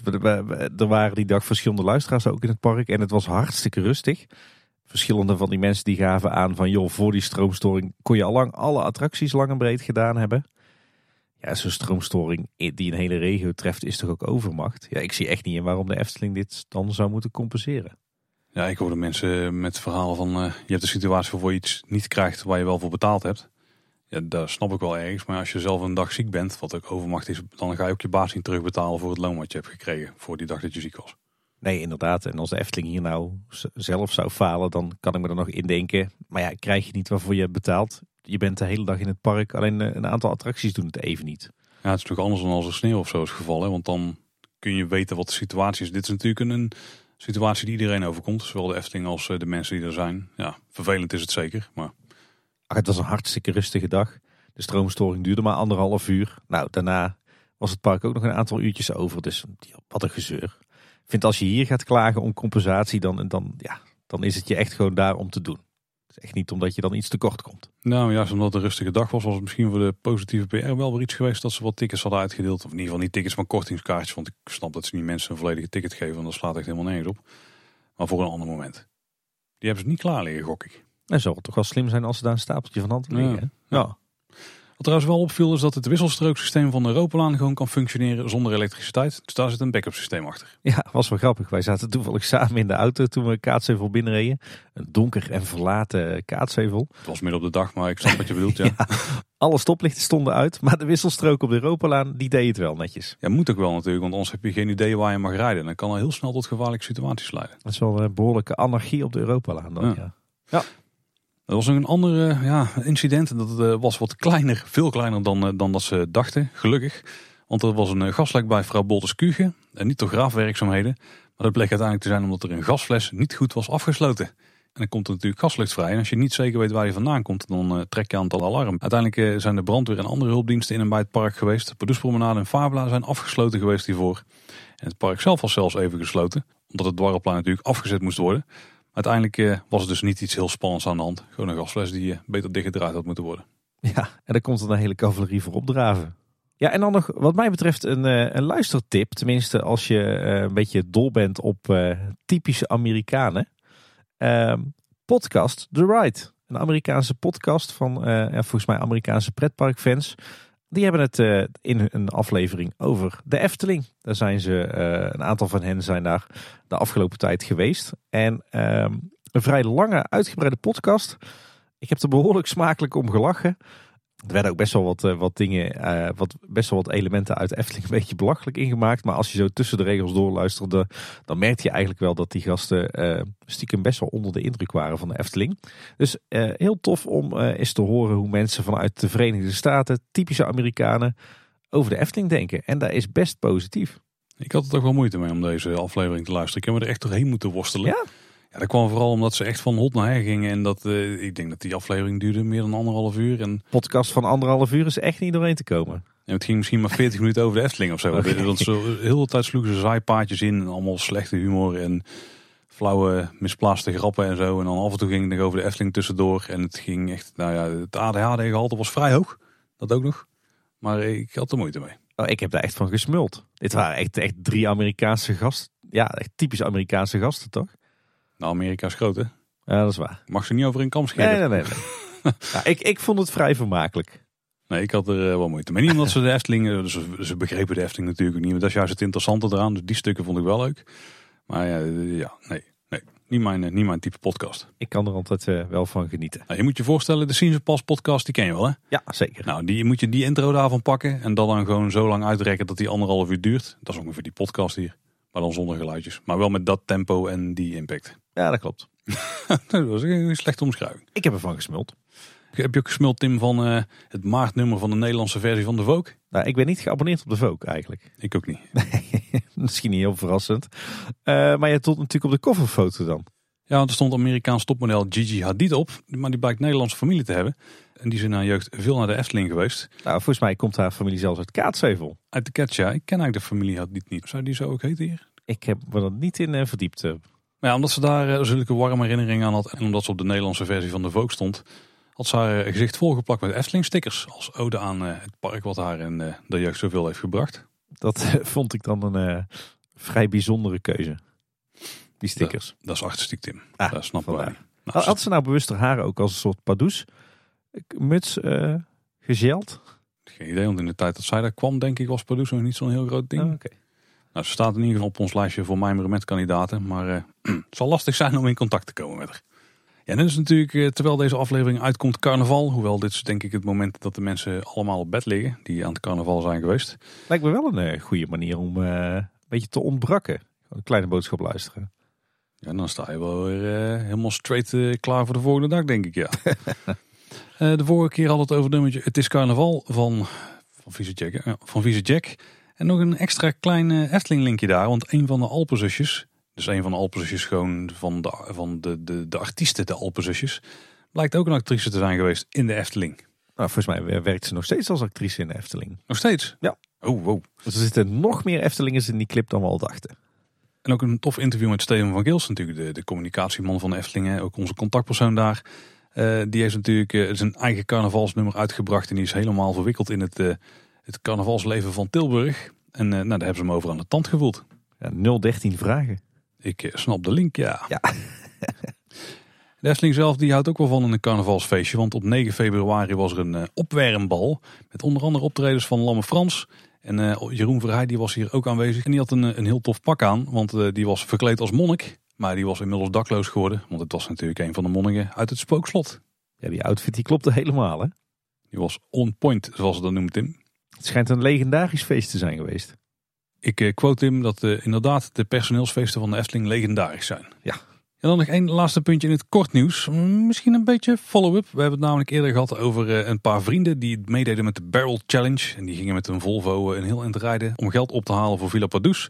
Met een hele oude Volvo. En nou ja, ik denk dat we de voice clip maar het beste is gewoon kunnen instarten. Hey Tim en Paul. Ehm, wat ik nou toch weer meemaak, zit ik de podcast te luisteren zoals eigenlijk eh, ja, iedere week ik de podcast luister. Ik had wel vertraging opgelopen omdat ik, eh, ja, ik was er even tussenuit geweest. Maar ik zit de podcast te luisteren en tot mijn verbazing eh, hoor ik voorbij komen dat jullie gehoord hebben dat er drie Brabantse vrienden met een oude Volvo op reis zijn gegaan. Ja, leuk stukje daarover, dat ze geld ophalen voor Villa Padus en ja, op zich wel leuk om te horen. Um, daarbij opperen jullie ook de suggestie dat ze eventueel de afgelopen 300 nog wat podcast kunnen luisteren van jullie. Dat is op zich een leuk idee. Alleen het punt is een beetje, uh, een van hun heeft dus al die podcasts al zitten luisteren. De afgelopen anderhalf jaar. En dat ben ik zelf. Ik ben een van die drie idioten die op, op reis is gegaan. waarbij we geld opgehaald hebben voor Villa Padus. Nou, afgelopen zondag zijn we met een dikke check naar Villa Padus gegaan. En uh, ja, het doel was eigenlijk om uh, meer dan 1000 euro op te halen. Uh, dat is gelukt. We hebben een check kunnen overhandigen van 6000 euro. Dat komt daar goed terecht. er kunnen een aantal gezinnen van op reis daar en, of op vakantie daar. En ja, gewoon een supergoed doel. Onze reis is inmiddels ten einde. We zijn heel uit aangekomen. De auto heeft het overleefd. Uh, alleen uh, geld doneren aan Villa Padus kan natuurlijk nog steeds. Dus uh, bij deze is iedereen daar ook voor uitgenodigd. Ardoar. Nou Peter, heel tof dat we jou zo hebben kunnen verrassen. En vooral heel erg tof dat jullie zoveel geld hebben opgehaald voor Villa Padus. Echt goed bezig geweest. Ja, super vet. Heel gaaf dat kleine boodschapluisteraars zich zo inspannen voor het, het goede doel. Heel gaaf. Tim, in de periferie van Efteling is ook nog wel redelijk wat gebeurd. Hè? Want het Guesthouse Hotel, hoe zit het daar nou mee? We zijn er ooit langs geweest voor een, voor een verslag van wat er allemaal te, te doen is. We hebben daar gepraat met Koen Schelvorst. Volgens mij kun je nog steeds een flesje schrobbeleg krijgen als je daar eh, een overnachtingsboek met de, de code K-boodschap. Ja, ik kan het niet garanderen trouwens. Maar. Nee, ik ga niet altijd goed schema. Maar ik weet wel dat het een heel populair hotel is bij onze, onze luisteraars. Want het ligt natuurlijk vlak bij de Efteling. En is van alle gemakken voorzien. Alleen uh, net wat budgetvriendelijker dan de Efteling Resorts. Maar heel verrassend. Koen Schelvorst was natuurlijk de, de eigenaar van het Guesthouse Hotel. En Hotel de Kroon. Een hotelletje wat er nog naast ligt. Maar die heeft alles verkocht aan eh, Jan en Janneke den Hartog. De eigenaren van eh, de grote Albert Heijn die eh, onder het Guesthouse Hotel zit. want Koen die vindt het tijd voor een nieuwe stap. En die gaat weer nieuwe initiatieven ontwikkelen met zijn eigen consultancy en adviesbureau. Nou, maar het Guesthouse Hotel en Hotel de Kroon blijven dus gewoon bestaan. Tenminste het Guesthouse Hotel sowieso. Hotel de Kroon kan ik me voorstellen dat die toekomst iets minder zeker is. Nou ja, daar hebben ze ook flink in geïnvesteerd hè. Ja, is wel opgeknapt, ja. En, en sowieso, uh, er zal weinig veranderen. Want het dagelijks beheer van het Guesthouse Hotel werd al niet meer door Koen Schelvorst zelf gedaan. Maar er zat, uh, zit gewoon een managementteam op uh, vanuit het hotel. En die blijven dat ook doen. Dus ja, eigenlijk alleen de eigenaar verandert. Maar aan het dagelijks management verandert niks. Goed om te horen. Ja, en dan even een onderwerp wat ons toch weer een beetje terug in de tijd werpt naar de hoogtijdagen van het bestemmingsplan Wereld van de Efteling 2030 we gingen het al bijna missen. Het Recroduct, oftewel de Faunapassage en de fietstunnel onder de N261, daar is een eh, ontwerp voor gepresenteerd. En nou vraag je je misschien af, eh, hoe zat dat nou? Maar in het eh, bestemmingsplan was natuurlijk van alles vastgelegd wat de Efteling de komende tig jaar mag gaan ontwikkelen in de groene ruimte om de Efteling heen. En om dat te compenseren zouden ze eigenlijk een heleboel bomen moeten planten. Ehm, maar ze hebben ervoor gekozen om in plaats daarvan uh, de aanleg van uh, ja, een soort ecoduct, of eigenlijk een eh, soort fauna-tunnel onder de snelweg, onder de N261, door die kosten volledig te vergoeden. En daarmee ja, compenseren ze dan op hun eigen manier de, het verlies van natuur rond de Efteling. Um, een investering van 4,2 miljoen euro, die dus volledig voor rekening van de Efteling gaat komen. Uh, maar dat project dat blijkt uh, inmiddels uh, flink op stoom te zijn, want er is dus een, een ontwerp uitgewerkt. En daarbij is de bedoeling dat kampsalamanders en boomkikkers gebruik gaan maken van de faunapassage onder de weg door. Maar bij voorkeur ook reeën en dassen. En dat moet gebeuren door een plas- en draszone in de tunnel, door houtwallen en speciale verlichting. En midden in de tunnel, tussen de rijbanen van de N261 in, komt nog een kleine toren en via een lens kan je daarbij naar het uitzicht kijken uh, over landschapspark Pauwels. Wat een uh, natuurgebied is wat momenteel wordt ontwikkeld uh, ten noorden van Tilburg. En uh, deze hele fauna-ecoductconstructie die komt ongeveer op de hoogte van de oude televisietoren. Die je kan zien als je van Tilburg naar de Efteling rijdt. de aanleg van die faunapassage zou later dit jaar al gaan starten. En die 4,2 miljoen euro die komt dus volledig voor rekening van de Efteling. Wat best wel zuur geld is als je bedenkt dat ja, die investering met name dus wordt, wordt gedaan of werd gedaan om dat bestemmingsplan uh, rond te rekenen. Maar ja, de vraag is even, hoeveel heeft de Efteling nou daadwerkelijk aan het bestemmingsplan? Nu ze voorlopig uh, ja, toch tegenaan zitten te hikken dat ze maar een vergunning hebben tot 5 miljoen bezoeken of bezoekers. Ze zijn in ieder geval een aan het aanleggen. dat kunnen ze nu wel, ja. Maar goed, die, uh, die 4,2 miljoen in een uh, projectje ver, ver, ver van je eigen park is dan misschien toch, uh, voelt dan misschien een beetje wrang. Maar ja, laten we hopen dat ze alsnog al die uitbreidingsplannen kunnen gaan uitrollen natuurlijk. Ik denk, dan gaan we eens naar de reacties van luisteraars. We hebben een vraag gekregen van René en Linda. En die stuurden, hey heren, wij vroegen ons iets af en misschien weten jullie dat wel. Waarom wordt het perron van de pagode niet meer gevuld? Maar moet iedereen bij het telpoortje wachten totdat de pagode helemaal beneden is. Dit is volgens mij sinds de heropening na de laatste renovatie. Groetjes René en Linda. Het is mij nog niet opgevallen eigenlijk, maar ik ben ook niet in pagode geweest sinds dat die is uh, heropend. Ja, ik ben er wel een paar keer in geweest, maar het is me eigenlijk ook niet opgevallen. Maar ik heb er ook niet echt op gelet. Dus ik heb het geluk dat hij vaak beneden stond, dat je dan gewoon meteen erin kon lopen. Ik uh, moet er eens op gaan letten. Is het dan gewoon een vraag die we bij de rest van de luisteraars moeten neerleggen? Ja, het enige wat ik me kan voorstellen is ja, waarom je niet door dat poortje mag terwijl de pagode nog niet aan de grond staat. Is blijkbaar wordt er dan niet vertrouwd op het hekje of het poortje. Zeg maar tussen dat, uh, dat vak na het tourniquet en de pagode zelf. Ja, misschien het risico dat er iets naar beneden komt of zo. Want als je daar staat, sta je vrij dicht natuurlijk bij de pagode zelf. Ja, ik denk misschien eerder toch die poortjes. Want als die natuurlijk uh, op de een of andere manier uh, niet sterk genoeg zijn en open gaan, dan lig je natuurlijk zo in die put waar de pagode boven hangt. Dat is uh, vrij onhandig. Ja. Maar misschien moeten we inderdaad die vraag bij onze luisteraars neerleggen.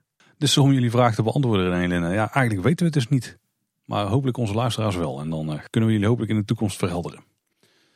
En nu we bijna aan het eind van de aflevering zijn gekomen, Tim, moeten we nog even teruggrijpen op die schitterende posters die we hier hebben liggen, die Ries heeft gemaakt. Want die mogen dus een setje weggeven, maar dan moet hij natuurlijk wel iets voor doen. Want ik kan me voorstellen dat ze gewild zijn, zeker als we wat foto's gaan delen van hoe ze eruit zien. Want ze zijn echt heel vet.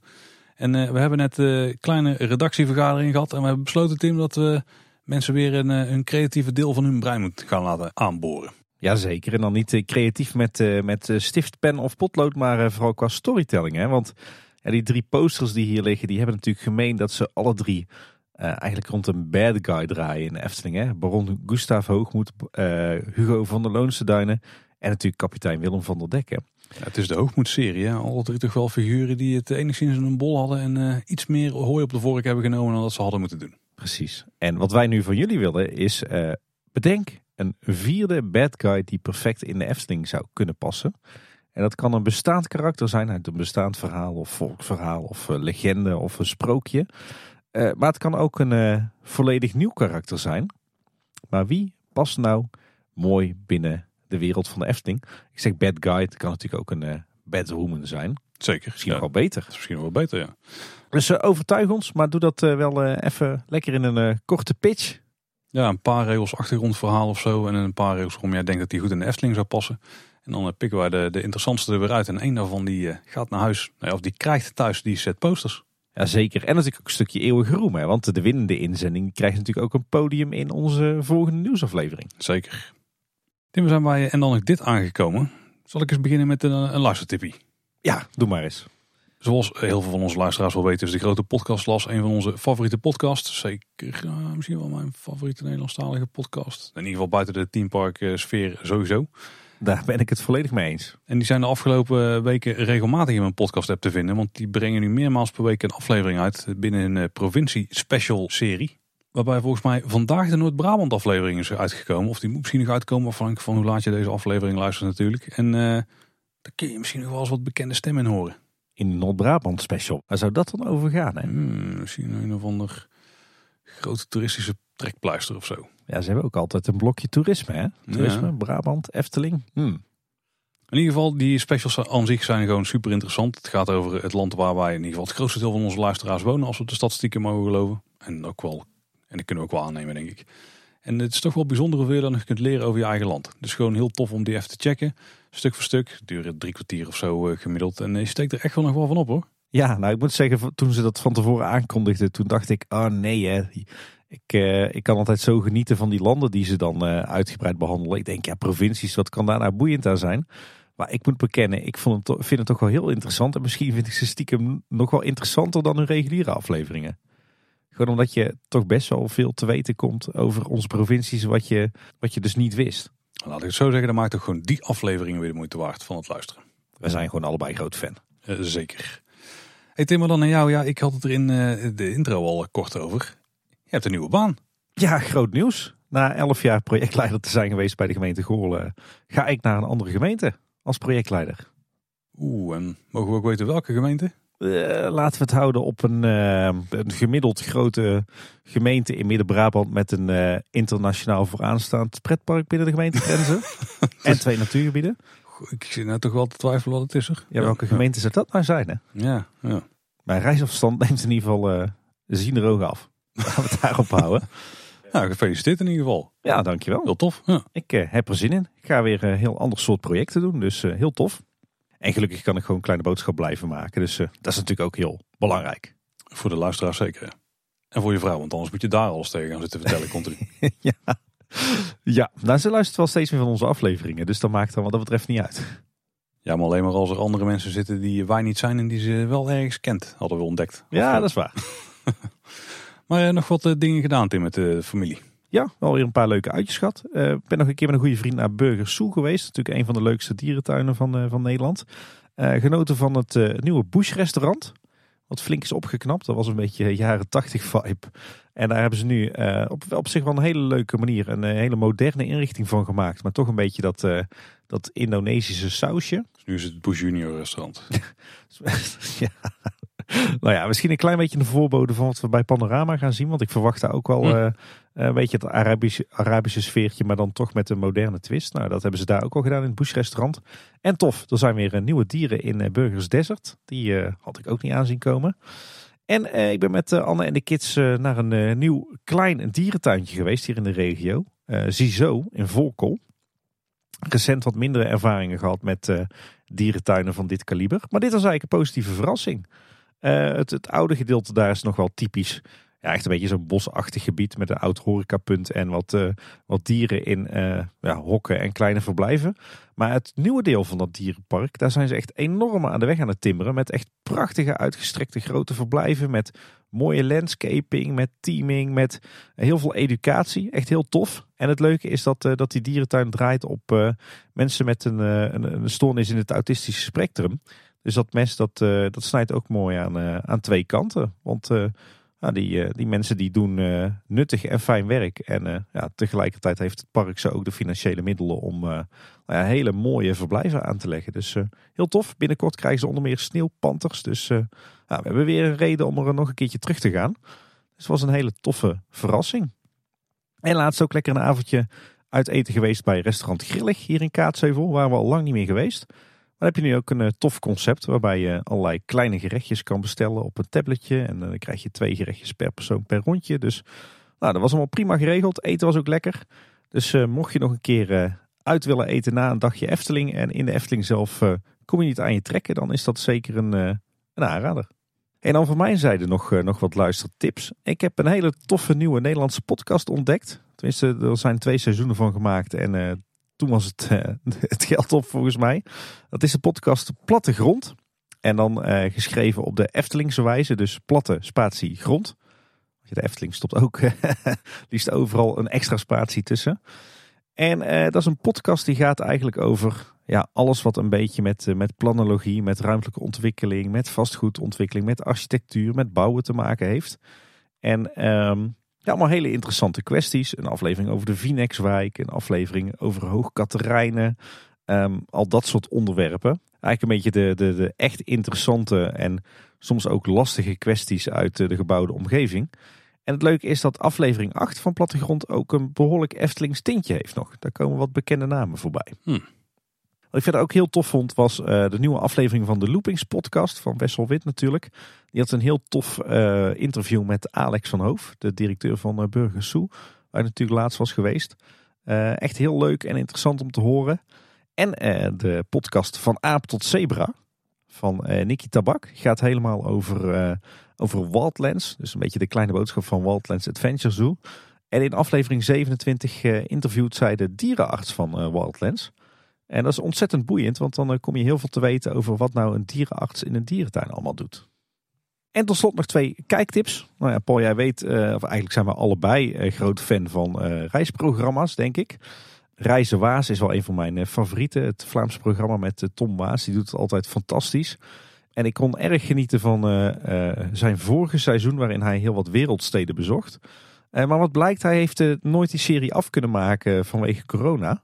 Maar dat heeft hij de afgelopen maanden alsnog gedaan. En zodoende staan er weer een aantal hele toffe afleveringen van uh, Reizenwaars Wereldsteden online. Hij gaat onder meer naar Sao Paulo en uh, Nairobi en Dubai. Dus uh, heel tof om te zien. En hij, en hij doet dat echt op zijn toms. Hè. Dat kan niemand overtreffen.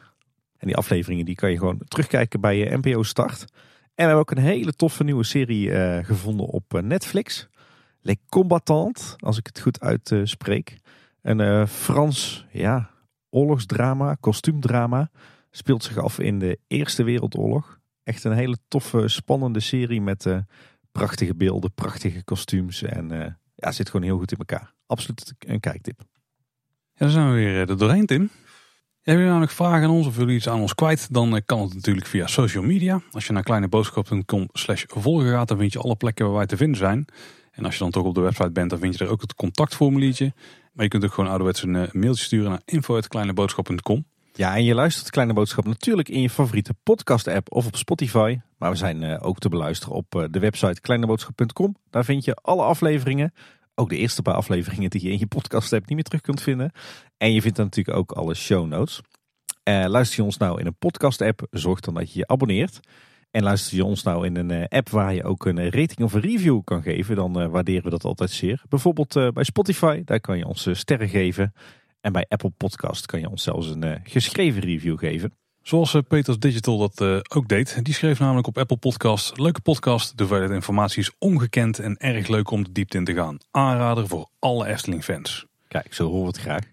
En trouwens ook wel uh, tof, want we hebben ook een klein beetje hulp nodig. Ik zie dat we op Spotify bijna duizend reviews hebben. We moeten er nog een kleine 40. En dan uh, gaan we over die magische grens van de duizend heen, Tim. Volgens mij komt er dan één k te staan bij het aantal reviews. Hoppa. Dan kunnen we het niet meer exact bijhouden.